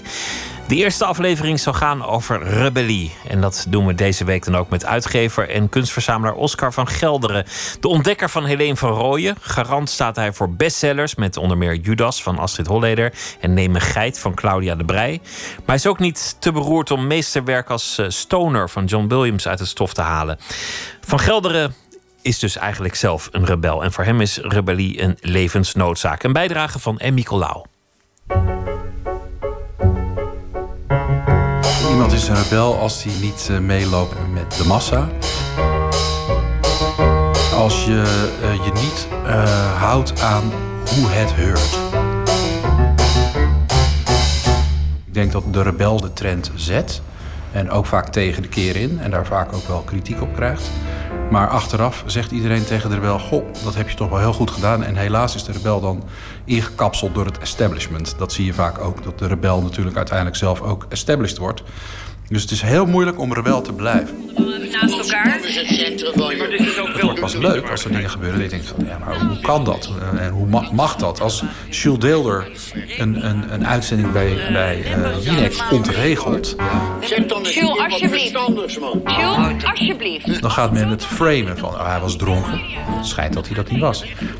Was hij gewoon vervelend? Zou. Vond hij het een saaie uitzending? Misschien wel, weet ik niet. Maar het feit dat iemand zich niet gedraagt zoals het heurt... namelijk netjes op je beurt wachten, praten wanneer het mag... dat wordt al snel onbeleefd of, of onbeschoft of wat dan ook. Terwijl het is natuurlijk al subversieve daad. En, en uh, ik vind het feit dat je, uh, dat je je niet houdt aan de regeltjes van... oké, ik heb nu acht minuutjes en dan mag ik mijn kunstje doen... Uh, dat vind ik eigenlijk wel verfrissend. Goedemiddag, luisteraars. En wat een reus idee van u om af te stemmen op Ronflonflon... of was u toch al op deze zender afgestemd en denkt u nu... laat maar staan. Ik doe het even over. Goedemiddag. Tof dat... Wim T. Schippers, de Franse schrijver Michel Wellebec... Radiomaker Willem de Ridder... de Britse kunstenaar Damien Hirst... bekend van zijn haai op sterk water... Uh, graffiti-artist Banksy, Helene van Rooyen... Frigide zou ik mezelf niet noemen. De Italiaanse mysterieuze schrijfster Elena Ferrante... de Rotterdamse dichter Cornelis Vaandrager... Ankaart, het blijven ankaart. En de hardcore abstracte kunstenaars van de Zero-beweging. De poriën moeten altijd openstaan. Je moet er ontvankelijk voor zijn. Oscar van Gelderen schudt de kunstrebellen zo uit zijn mouw. Hij houdt van hun attitude. Ik vind bijvoorbeeld de zero-kunst... vind ik eigenlijk de meest radicale kunst. Uh, Armando. Ja, Armando vanuit Nederland en Schoonhoven. Uh, maar uh, Manzoni en, en dat soort kunstenaars... die eigenlijk ehm, zo radicaal waren in hun kunst... dat het eigenlijk... er is dus helemaal geen representatie meer. De, de, de mooiste werken van Armando zijn ook, heten dan ook negenbouten. Hè. Dat is dan negenbouten in een rood doek of vaak ook... Sculptuurachtige werken. Um, en, die, en die kunst die liep gelijktijdig op in Nederland met de nieuwe stijl van Vaandrager, waar ik een erg groot bewonderaar van ben. Vaandrager en een aantal van zijn kornuiten, Sleutelaar, Verhagen en Armando dus ook. Waarbij het eigenlijk niet meer ging om kunst maken of literatuur maken, maar het registreren en het intensiveren van de werkelijkheid. Dus je, je verandert niet iets, je maakt niet iets, je gebruikt wat er is. Ja, dus Vaandrager, de, de Rotterdamse dichter, die, die vond een tekst ja. op een, bij wijze van spreken, uh, pak soep. Ja. En die presenteerde dat als gedicht. Ja, en, en, en toen dacht ik, dat is eigenlijk het radicaalste wat je kan doen. Dat je eigenlijk niets meer toevoegt. Uh, Catalan, een uh, Italiaanse kunstenaar, eigenlijk conceptueel kunstenaar, een beetje een prankster... die heeft ooit aangifte gedaan bij de politie van een, uh, een gestolen kunstwerk. En de politieagent, nou, kunt u beschrijven? Toen zei hij, nou, dat, het is een onzichtbaar kunstwerk. En die politieagent die had natuurlijk zoiets van, ja, kom op zeg. Maar uiteindelijk na heel veel gezeur van Catalan kreeg hij toch het proces verbaal mee. Dat, dat hij aangifte kon doen van een onzichtbaar kunstwerk. En dat werd natuurlijk, het proces verbaal werd weer het kunstwerk. Kan je zeggen, ja, is dat nog echt? Gaat dat nog echt ergens over? Behalve dat het ook een soort goede grap is. Maar ik denk als je inderdaad de, het, het, het, leven als een soort gezamtkunstwerk ziet... dat je overal de kunst in kan zien en kan vinden... dat vind ik wel een mooie gedachte. En ik vind het ook wel een rebels idee... dat je daardoor kan zeggen dat iedereen kunstenaar is... of dat de hele maatschappij een kunstwerk is.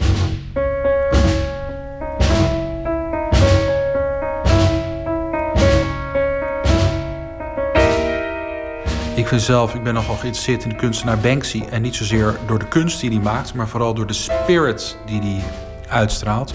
Waarom ook? Omdat hij, uh, zijn belangrijkste selling point is dat niemand weet wie die is. En dat vind ik ook een vorm van rebellie. Dus hij, we hadden het net heel even over voor de opnames over je profileren. Hoe kan je je beter profileren door je niet te profileren? Dat is eigenlijk hetzelfde als de zero. Je, je representeert niets meer. Je bent eigenlijk alles en iedereen. Hij kan hier rondlopen op kantoor, we weten het niet. Dat vind ik een heel krachtig, uh, rebels statement. Dat hij ook zegt van... in de toekomst zal iedereen verlangen naar 15 minuten van anonimiteit. Elene Ferrante, uh, uh, er was dus een journalist die dacht uh, scoop van het jaar te hebben. Die had ontmaskerd wie Elene Ferrante was. En die kreeg dus woedende mensen achter zich aan van we willen dat helemaal niet weten. We vinden dat veel leuker, dat mysterie. Dus de rebellie zit hem ook voor een deel in de anonimiteit. Vind ik een interessant concept. En uh, wij als uitgever zijn de hele tijd bezig om mensen bij De Wereld Draait Door en de NRC en de VPRO te krijgen. Uh, terwijl eigenlijk een, uh, een, een, een, kunstenaar als Ferrante, of een kunstenaar als Banksy en een schrijver als Ferrante gedijen door hun anonimiteit en hebben toch een grote populariteit van dat je de natuur een handje helpt. Je gaat naar dokter Helga, begrijp ik? Ja, ik doe alles. Uh, ik, het is een strijd die ik ga verliezen, maar ik ga hem wel aan. Je gaat hem nog even aan? Ik ga hem wel aan, ja. Als rebel hoef je natuurlijk niet als een kluizenaar ver weg van de maatschappij in je anti-establishment hutje te vegeteren. Je kan ook gewoon een kijkcijferkanon worden. Of een hitwonder, of een bestseller-auteur. En dan word je als rebel uiteindelijk omarmd door het establishment. Helene van Rooyen is er zo één, volgens Van Gelderen. Het leuke inderdaad met Van Rooyen is dat iedereen zich er eerst tegen verzet. Want ze is mooi en ze maakt er allemaal niet uit als in de Playboy staat. Een soort schaamteloosheid waar mensen vaak aan irriteert in de, in de kunst. Uh, en later denken mensen, ja, nee, maar ja, goed, er zitten toch ook wel heel interessante... En dan, het, beest moet getemd worden. En als het getemd wordt, dan past het weer in ons um, straatje. En dat is ook de Nederlandse maatschappij. Hè? Ik bedoel, wij hebben hier een hoerenbuurt uh, um, waarom is dat? Dat is typisch Hollands, dat is de repressieve tolerantie. Je kadert het in en daar en daar mag het. En dan heb je ook gelijk de veiligste buurt van Amsterdam. het rebelse is eigenlijk alweer totaal ingekapseld. Dat vind ik wel typisch Hollands trouwens. Ja, dus we zijn niet zo rebels dan. Nou, ik denk dat, dat het Nederland ontzettend truttig is. En ik denk ook dat als je ziet een partij als de PVV verlangt extreem terug naar de 50 jaren. En dat, dat lijkt me, dat is hel volgens mij. Dus het is niet zo dat nu eh, de rebellen van rechts komen toevallig?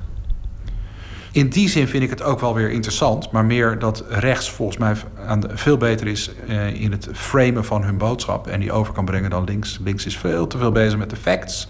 En rechts is bezig met het gevoel. En daarom wint rechts ook uh, dit soort uh, verkiezingen. Ja. We, the citizens of America, are now joined in a great national effort to rebuild our country. Wat ik wel weer grappig van dat hele Trump-fenomeen is, is het ook, daar hoor je ook tegen het ja, maar zo doe je dat niet. Een president mag niet twitteren of een president mag niet zus. Ja, wie heeft dat bepaald?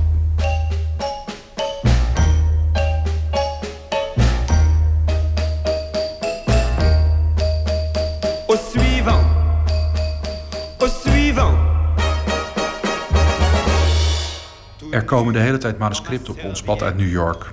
Allemaal agents verspreiden daar boeken. En die krijg ik binnen via mijn scout. Het zijn allemaal hot new books. En die worden dan verkocht aan een Amerikaanse uitgever. Maar ik weet gewoon dat alle Nederlandse uitgevers volgen dit circuit. Dus het boek dat bij mij binnenkomt ligt ook op tien andere tafels.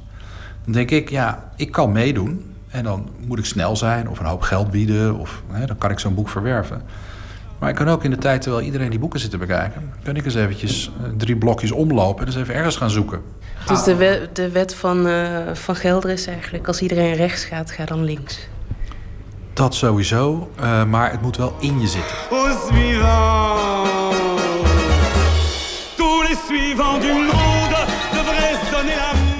Als ik maar nooit meer hoef te zijn, hij die volgt, hij die volgt, zingt Jacques Brel. De samenleving heeft dwarsdenkers, pain in the asses, mensen die het anders doen, nodig. Toch is de maatschappij niet ingericht op rebellen. Sterker nog, meteen na de geboorte begint het grote opvoeden. En daarna komt de conditionering. Het is niet makkelijk een rebel te blijven, zegt Van Gelderen. Maar het is zeker ook niet makkelijk er een te worden. Nee, en daarom heb ik ook uh, heel erg bewondering voor mensen die dat dus niet doen. En ik heb ook, uh, ik weet nog wel dat ik mijn dochter een keer naar school bracht en die had een outfit aan dat ik dacht, nou, daar zal ze wel commentaar op krijgen in de klas. En die, die, die trok zich daar niks van aan. En dat vond ik heel knap. Ik denk dat ik dat vroeger niet zo snel gedurfd had. Rebellie kan verzet zijn, dan is het vaak ook afbreken. Maar ik denk dat de ware rebel niet uh, niet afbreekt, maar bouwt. Dat hij eerder bouwt op de geschiedenis en daarop stapelt en daar zijn eigen draai aan geeft. Er is geen dromen zonder denken, er is geen brani zonder brein. Zwicht niet voor het zwijgen. Drijven is voor de doden en het graf geeft niets om groot gelijk. Het is niet knusser in de kudde. Sta op en stamp en brul je boeien los en bral Ten slotte, eenzaam was je al.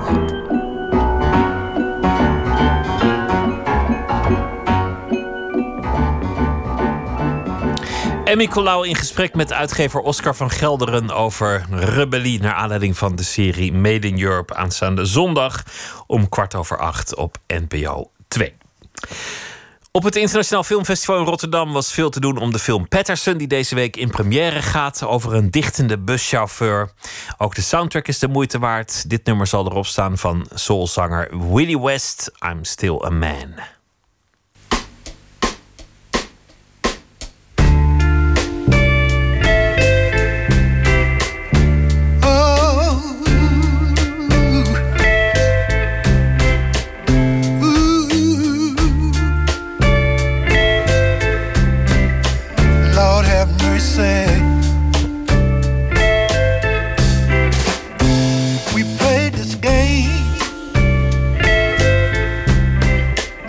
so many times before. In and out of my life, like a revolving door. I'm still a man, can't take it no more.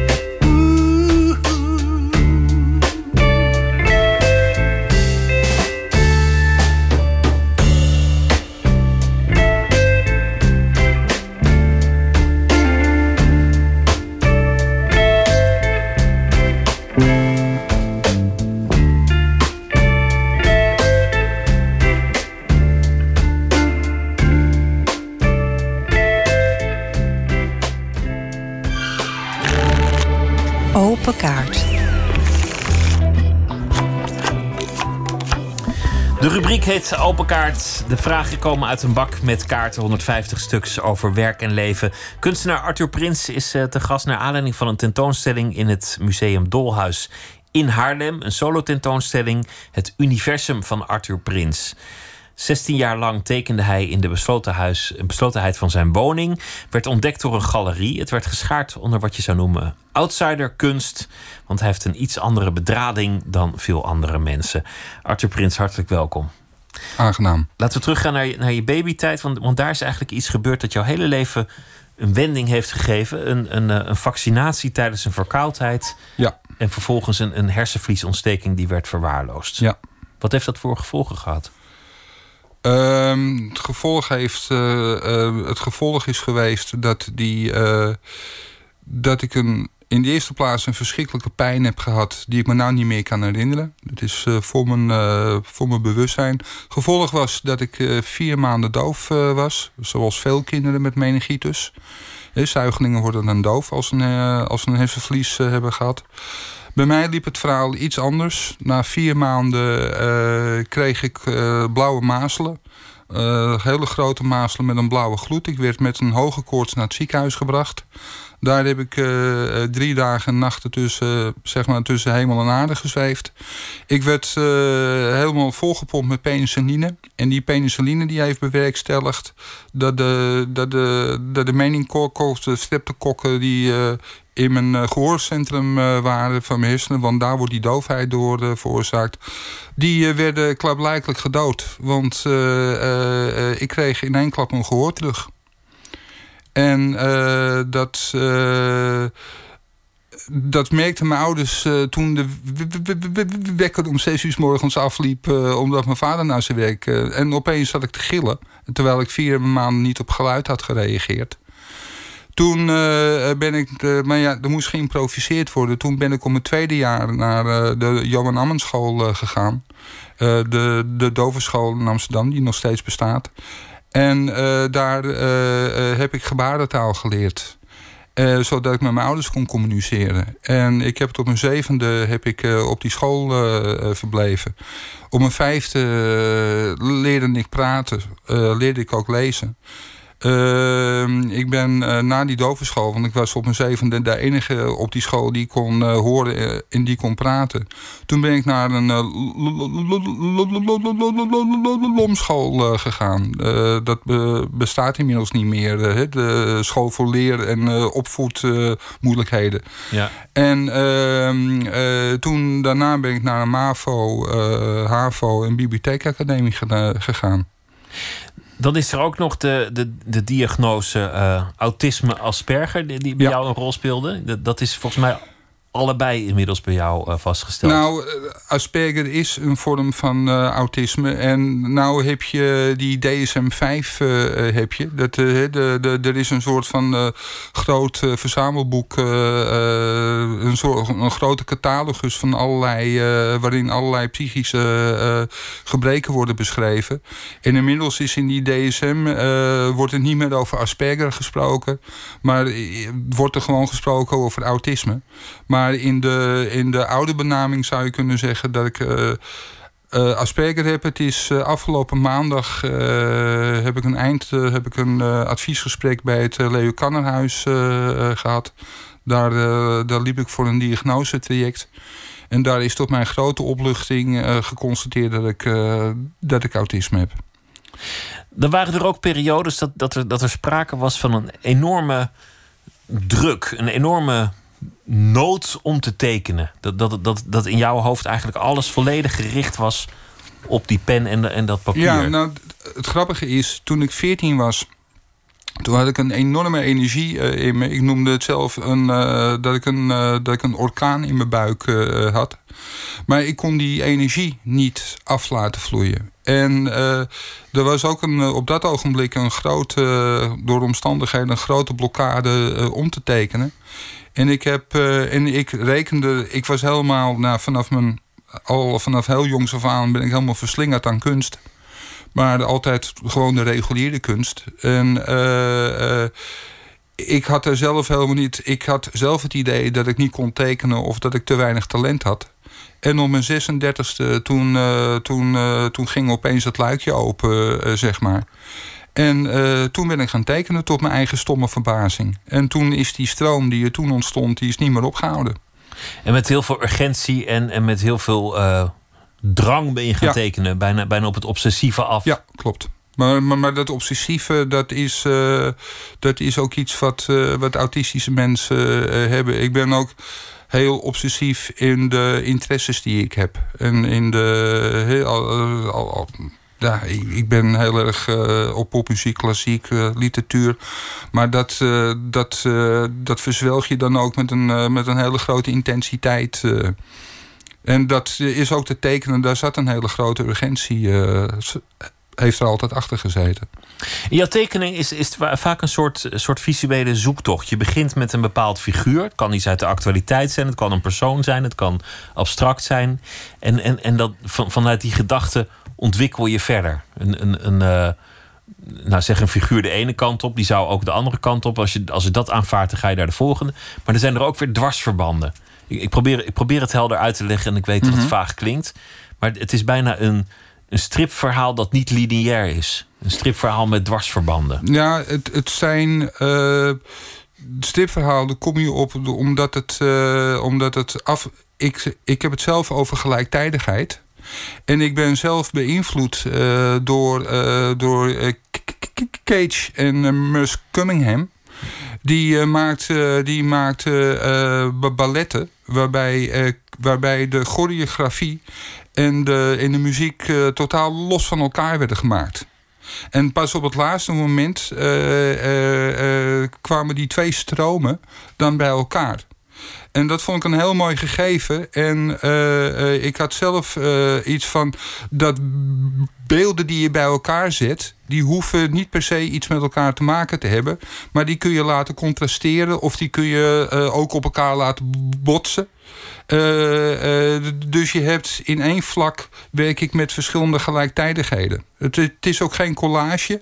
Het zijn, uh, ik noem het zelf meervoudige ruimtes. Dat je door verschillende vensters tegelijkertijd naar de andere werelden zit te kijken. Je bent opgemerkt door een galerie en, en dit is ook je, je museale doorbraak. Dat, dat je nu in het Dolhuis te zien bent. Wat zegt het, het, het label outsiderkunst nog, nog, nog over jou? In, in hoeverre is, het nog nodig om iets te weten van jouw achtergrond... om naar, om naar die tekeningen te kijken? Nou, op zich niet zo heel veel. Maar het... Um, ja, ik ben al zodanig... Uh, um, ik zelf heb sterk het idee dat ik in twee verschillende werelden zit. Door dat verhaal van mij uh, kom ik uit de wereld van beperking. Maar ik heb ook 33 jaar uh, bij de gemeente Amsterdam gewerkt. heel veel dingen zelfstandig kunnen doen. in de wereld van de, van de zogenaamde normale mensen gezeten. Dus ik sta, he, zoals iemand twee verschillende vaderlanden kan hebben. van, dat je twee nationaliteiten hebt. Zo heb ik dat in zekere zin heb ik dat ook. Ik heb de nationaliteit, zou je kunnen zeggen, van de mensen die een beperking hebben. En ook de mensen die. Uh, en de nationaliteit of de identiteit van de, van de mensen die normaal zijn. Dus ik zit in twee verschillende werelden. Uh, maar je hebt gelijk, dat werk wat ik maak, daarvan hoef je niet. Dat is geen uitdrukking van het feit dat ik een bepaald verhaal heb. Ik probeer gewoon uh, zo mooi mogelijke dingen te maken met een zo uh, met zo'n uh, groot mogelijke gelaagdheid en complexiteit. Zodat je ook, zoals dat met goede kunst moet zijn, dat je constant naar hetzelfde kunt uh, teruggrijpen en constant weer iets anders ziet. Als ik naar je werk kijk, zie ik geen beperking, maar dan zie ik alleen maar een groot talent. Dat, dat is wel een wezenlijk verschil. Nou, dan wil ik je voor dat compliment bedanken. Laten we beginnen met de kaarten. Hier, hier zijn ze. Ik wil je vragen ja. om, om de eerste vraag te trekken. gewoon wil ik Jeetje, welke rol had je als kind in het gezin? Nou, ik was het zorgenkind. En uh, uh, ik denk ook, uh, ik ben de jongste van twee broers. En ehm, achteraf realiseer je dat je eigenlijk wel een hele grote ja, dat je toch wel een hele groot... Ik kan even niet op het woord komen... maar dat je wel een hele grote druk op het gezin hebt, uh, hebt gezet. En uh, uh, ik, ik zat op de, uh, op de dovenschool... en, mijn, en in de eerste tijd moest, moest mijn moeder me, me, vier keer heen en weer... of heen en weer brengen naar school bijvoorbeeld. En ja, heel veel aandacht ging naar me uit. En mijn... Uh, mijn ouders probeerden uh, natuurlijk ook, uh, ook mijn twee andere broers de aandacht te geven.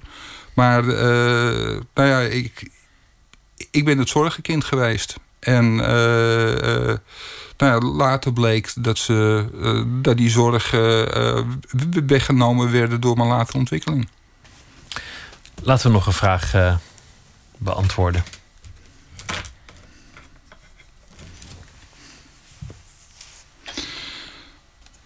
Welk buitenlands gebruik of welke traditie zou je willen overnemen? Nou, daar heb ik meteen wel een antwoord op. Um, ik vind het van de Fransen uh, vind ik het geweldig dat ze hun uh, culturele, uh, dat ze hun culturele mensen kunnen eren. Wat Fransen en ook andere nationaliteiten heel erg goed kunnen, dat is het bewonderen van hun kunstenaars en, uh, en van de mensen die ertoe doen. En uh, in Nederland uh, vind ik de gewoonte van, van de egaliteit. En van, van doe maar gewoon en doe je al gek genoeg. Eh, eh, vind ik ver doorgeslagen. Ik vind het bijvoorbeeld een schande dat bijvoorbeeld toen Kees Ouwens uh, overleed... dat je daarvan bijna helemaal niks op het... tenminste wat ik heb waargenomen... helemaal niks op, het, op het nieuws hebt gehoord... En uh, waarom, uh, waarom heeft Rutte niet een, uh, of een andere minister-president geen reden op de tv gehouden toen Hermans of, of, Rede, of Reven overleden waren? In Nederland worden ze vaak nog een beetje weggezet als, als de gekkies of als subsidieverslinders. En er is eigenlijk niet een, een cultuur van bewondering of, of, of, of het nut van cultuur onder ogen zien. Nou ja, eh, we zitten in Nederland eh, in een cultuur waarin het, eh, waarin het heel erg om geld draait. En dat is niet alleen nu, maar dat is ook vroeger geweest. En, en dichters of kunstenaars werden altijd, ja, werden ook als mensen die, die, die niet echt een cultureel of een economisch nut hadden. Terwijl nu blijkt uh, bijvoorbeeld dat, uh, dat uh, zoals de Denen bewijzen, als je, als je aan je filmindustrie. bijvoorbeeld, zij hebben een budget wat drie keer hoger is dan. dat had je ook met een van je gasten in vorige uitzending. ze hebben een veel hoger budget, maar het levert ook veel meer op. Levert pareltjes op die het over de hele wereld goed doen. En uiteindelijk ook weer andere bedrijvigheid aantrekken. Laten we nog een vraag goed. bekijken. Heb je tatoeages? Nee, ik heb geen tatoeages. Je zou een van je eigen tekeningen kunnen overwegen te nou, tatoeëren. Ik heb wel eens. Uh, ik, was, uh, ik kan ook in de bus uh, tekenen of in de tram. En toen, was er, en toen liep er een jongen langs. En die, dat is al jaren geleden. En die, was er, die zag in de flits wat ik aan het maken was. En die, die was er helemaal lyrisch van. En die, en die zei van, de, de, ik zou best wel een tatoeage willen hebben. Dat is wel heel grappig. Ja, het zou, het, zou, het zou zich er misschien wel voor lenen, een, een, een van, je, van je figuren. Te zien nog tot 2 april in Haarlem in Museum Het Dolhuis. Het universum van Arthur Prins. Dank je wel. Graag gedaan. De Staple Singers, een uh, op de gospel geïnspireerde groep uit Memphis in Tennessee. In de jaren 60 sprong zij ook op de barricades voor de burgerrechten. Er is een moment geweest dat alle Staple Singers aan elkaar geketend in de cel werden gesmeten. En dit is een van de nummers die uh, uit alle ervaringen is voortgekomen. When will we be paid?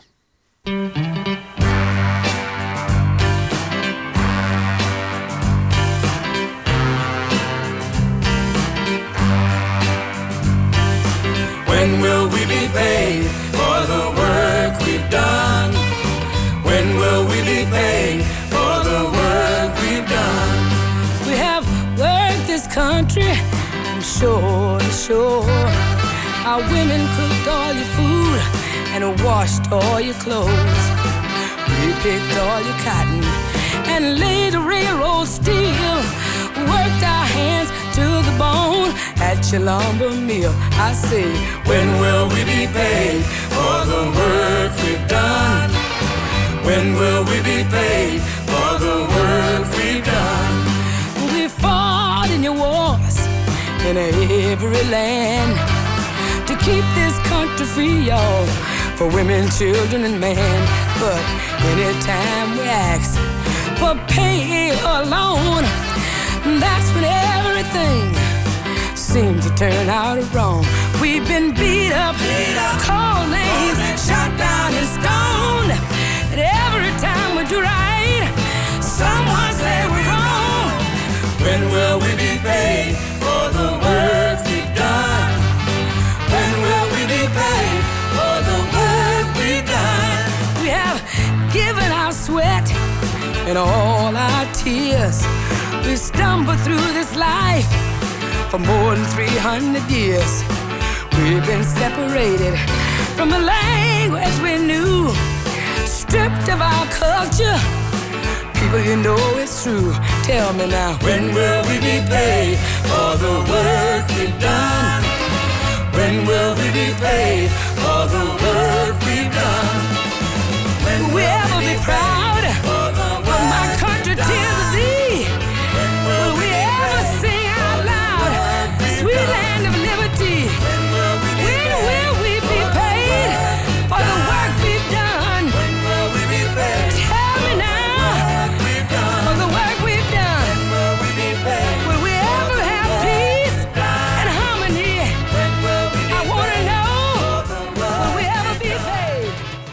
When Will We Be Paid van de Staple Singers. Eén minuut, een wonderlijke reeks verhalen in 60 seconden.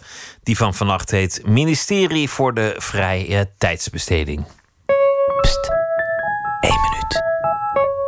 Ik mag wel zeggen dat ik persoonlijk geloof dat een ministerie voor de vrije tijdsbesteding in het jaar 2000 een van de allerbelangrijkste ministeriële departementen zou kunnen zijn. Men zou namelijk moeten zorgen dat wanneer de arbeid voor een belangrijk deel door machines wordt vervangen, dat dan niet ook die vrije tijd van de mensen totaal komt in de greep van weer andere machines. Met andere woorden, dat de mensen zelf niet worden, ook tot automaten en tot uh, robots die niet beter weten te doen dan de verkregen vrije tijd weer te doden. En die alleen maar kunnen vechten tegen de verveling. En misschien ook zullen we in de toekomst de militaire dienstplicht vervangen hebben door een jaar tijdsbestedingsplicht. Als een leerschool voor het leven en voor de moderne levenskunst. Eén minuut gemaakt door Katinka Beer.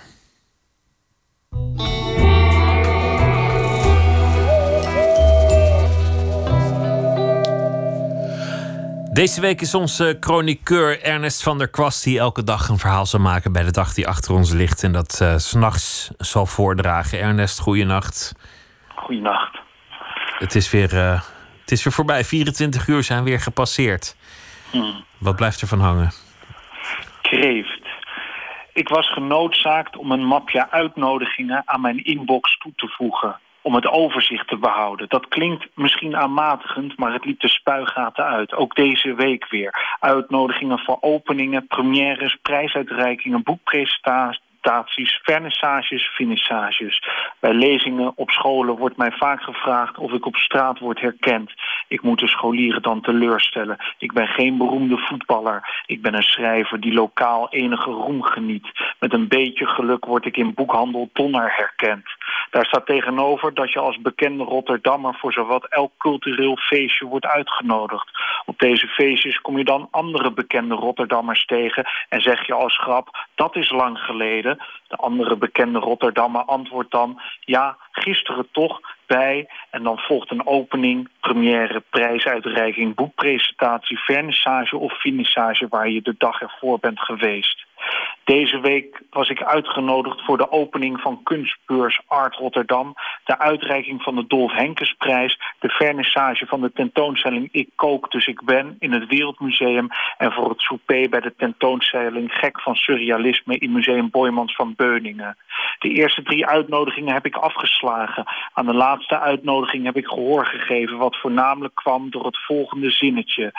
Om bij te dragen aan de speciale sfeer van de avond vragen wij uw feestelijke outfit af te maken met surreële attributen zoals een bolhoed, een kreeft, rode lippen, een hertengewei of een vogelkooi. Ik moest meteen denken aan de Franse dichter Gérard de Nerval. Hij had een kreeft die hij aan een blauwzijde lint mee uit wandelen nam in de tuinen van het Palais Royal. Dat leek me ook wel wat. Het enige probleem was dat ik een lichte angst voor kreeften heb ontwikkeld. Dat komt door een voorval in de keuken van restaurant Kip... waarbij zes koks een kreeft in mijn onderbroek stopten. Maar toen was ik nog geen bekende Rotterdammer.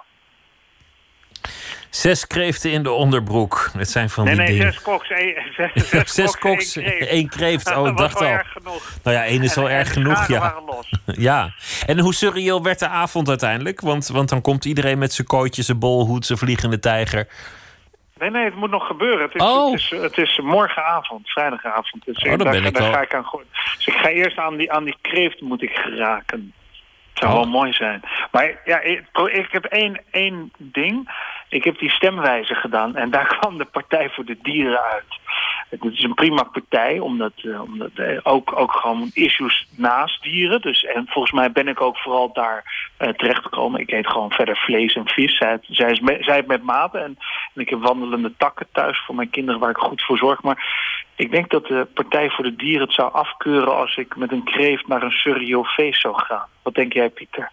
Ik denk niet dat ze daar erg voor zouden zijn. Maar, maar eh, misschien dat ze meer op hoofdlijnen regeren. Dat, zou, dat zou ook nog kunnen. Hè? Dat ze dan denken, nou die ene kreeft.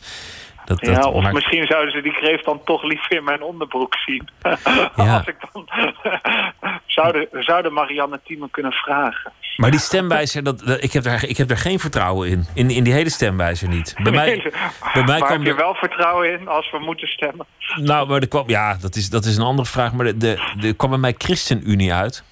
En, en ik, ja, dat, dat past niet echt bij, bij de dingen die ik geloof en niet geloof. Ben jij zo conservatief, Pieter? Kennen, ja, ik weet het ook niet hoe dat, hoe dat kwam. Maar ze hebben ook een heleboel dingen niet gevraagd. Want, want ik, vind, ik vind zondagswinkelen het leukste wat er bestaat.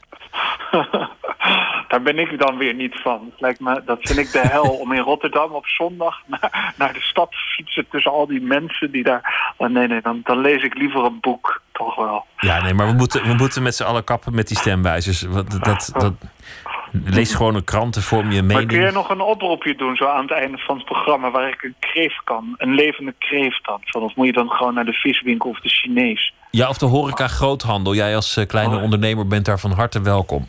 Ja. En, en ja, maar wat, ja, nog even, nog even laatst. Wat, wat moet ik met die kreeft na dat feest doen? Terugbrengen. Opeten.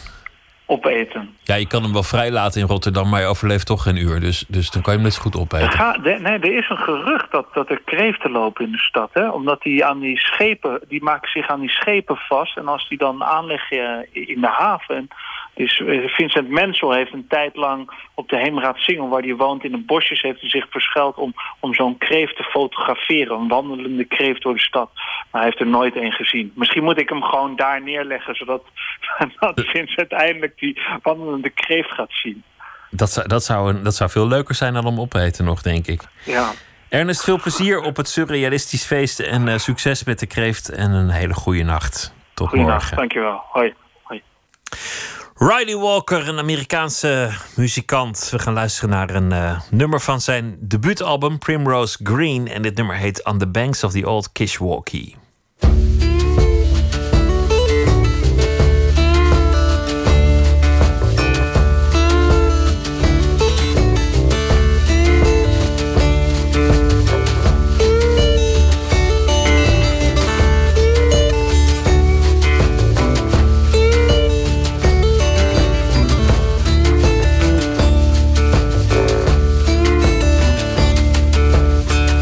On the banks of the old Kishwaukee, I saw you there.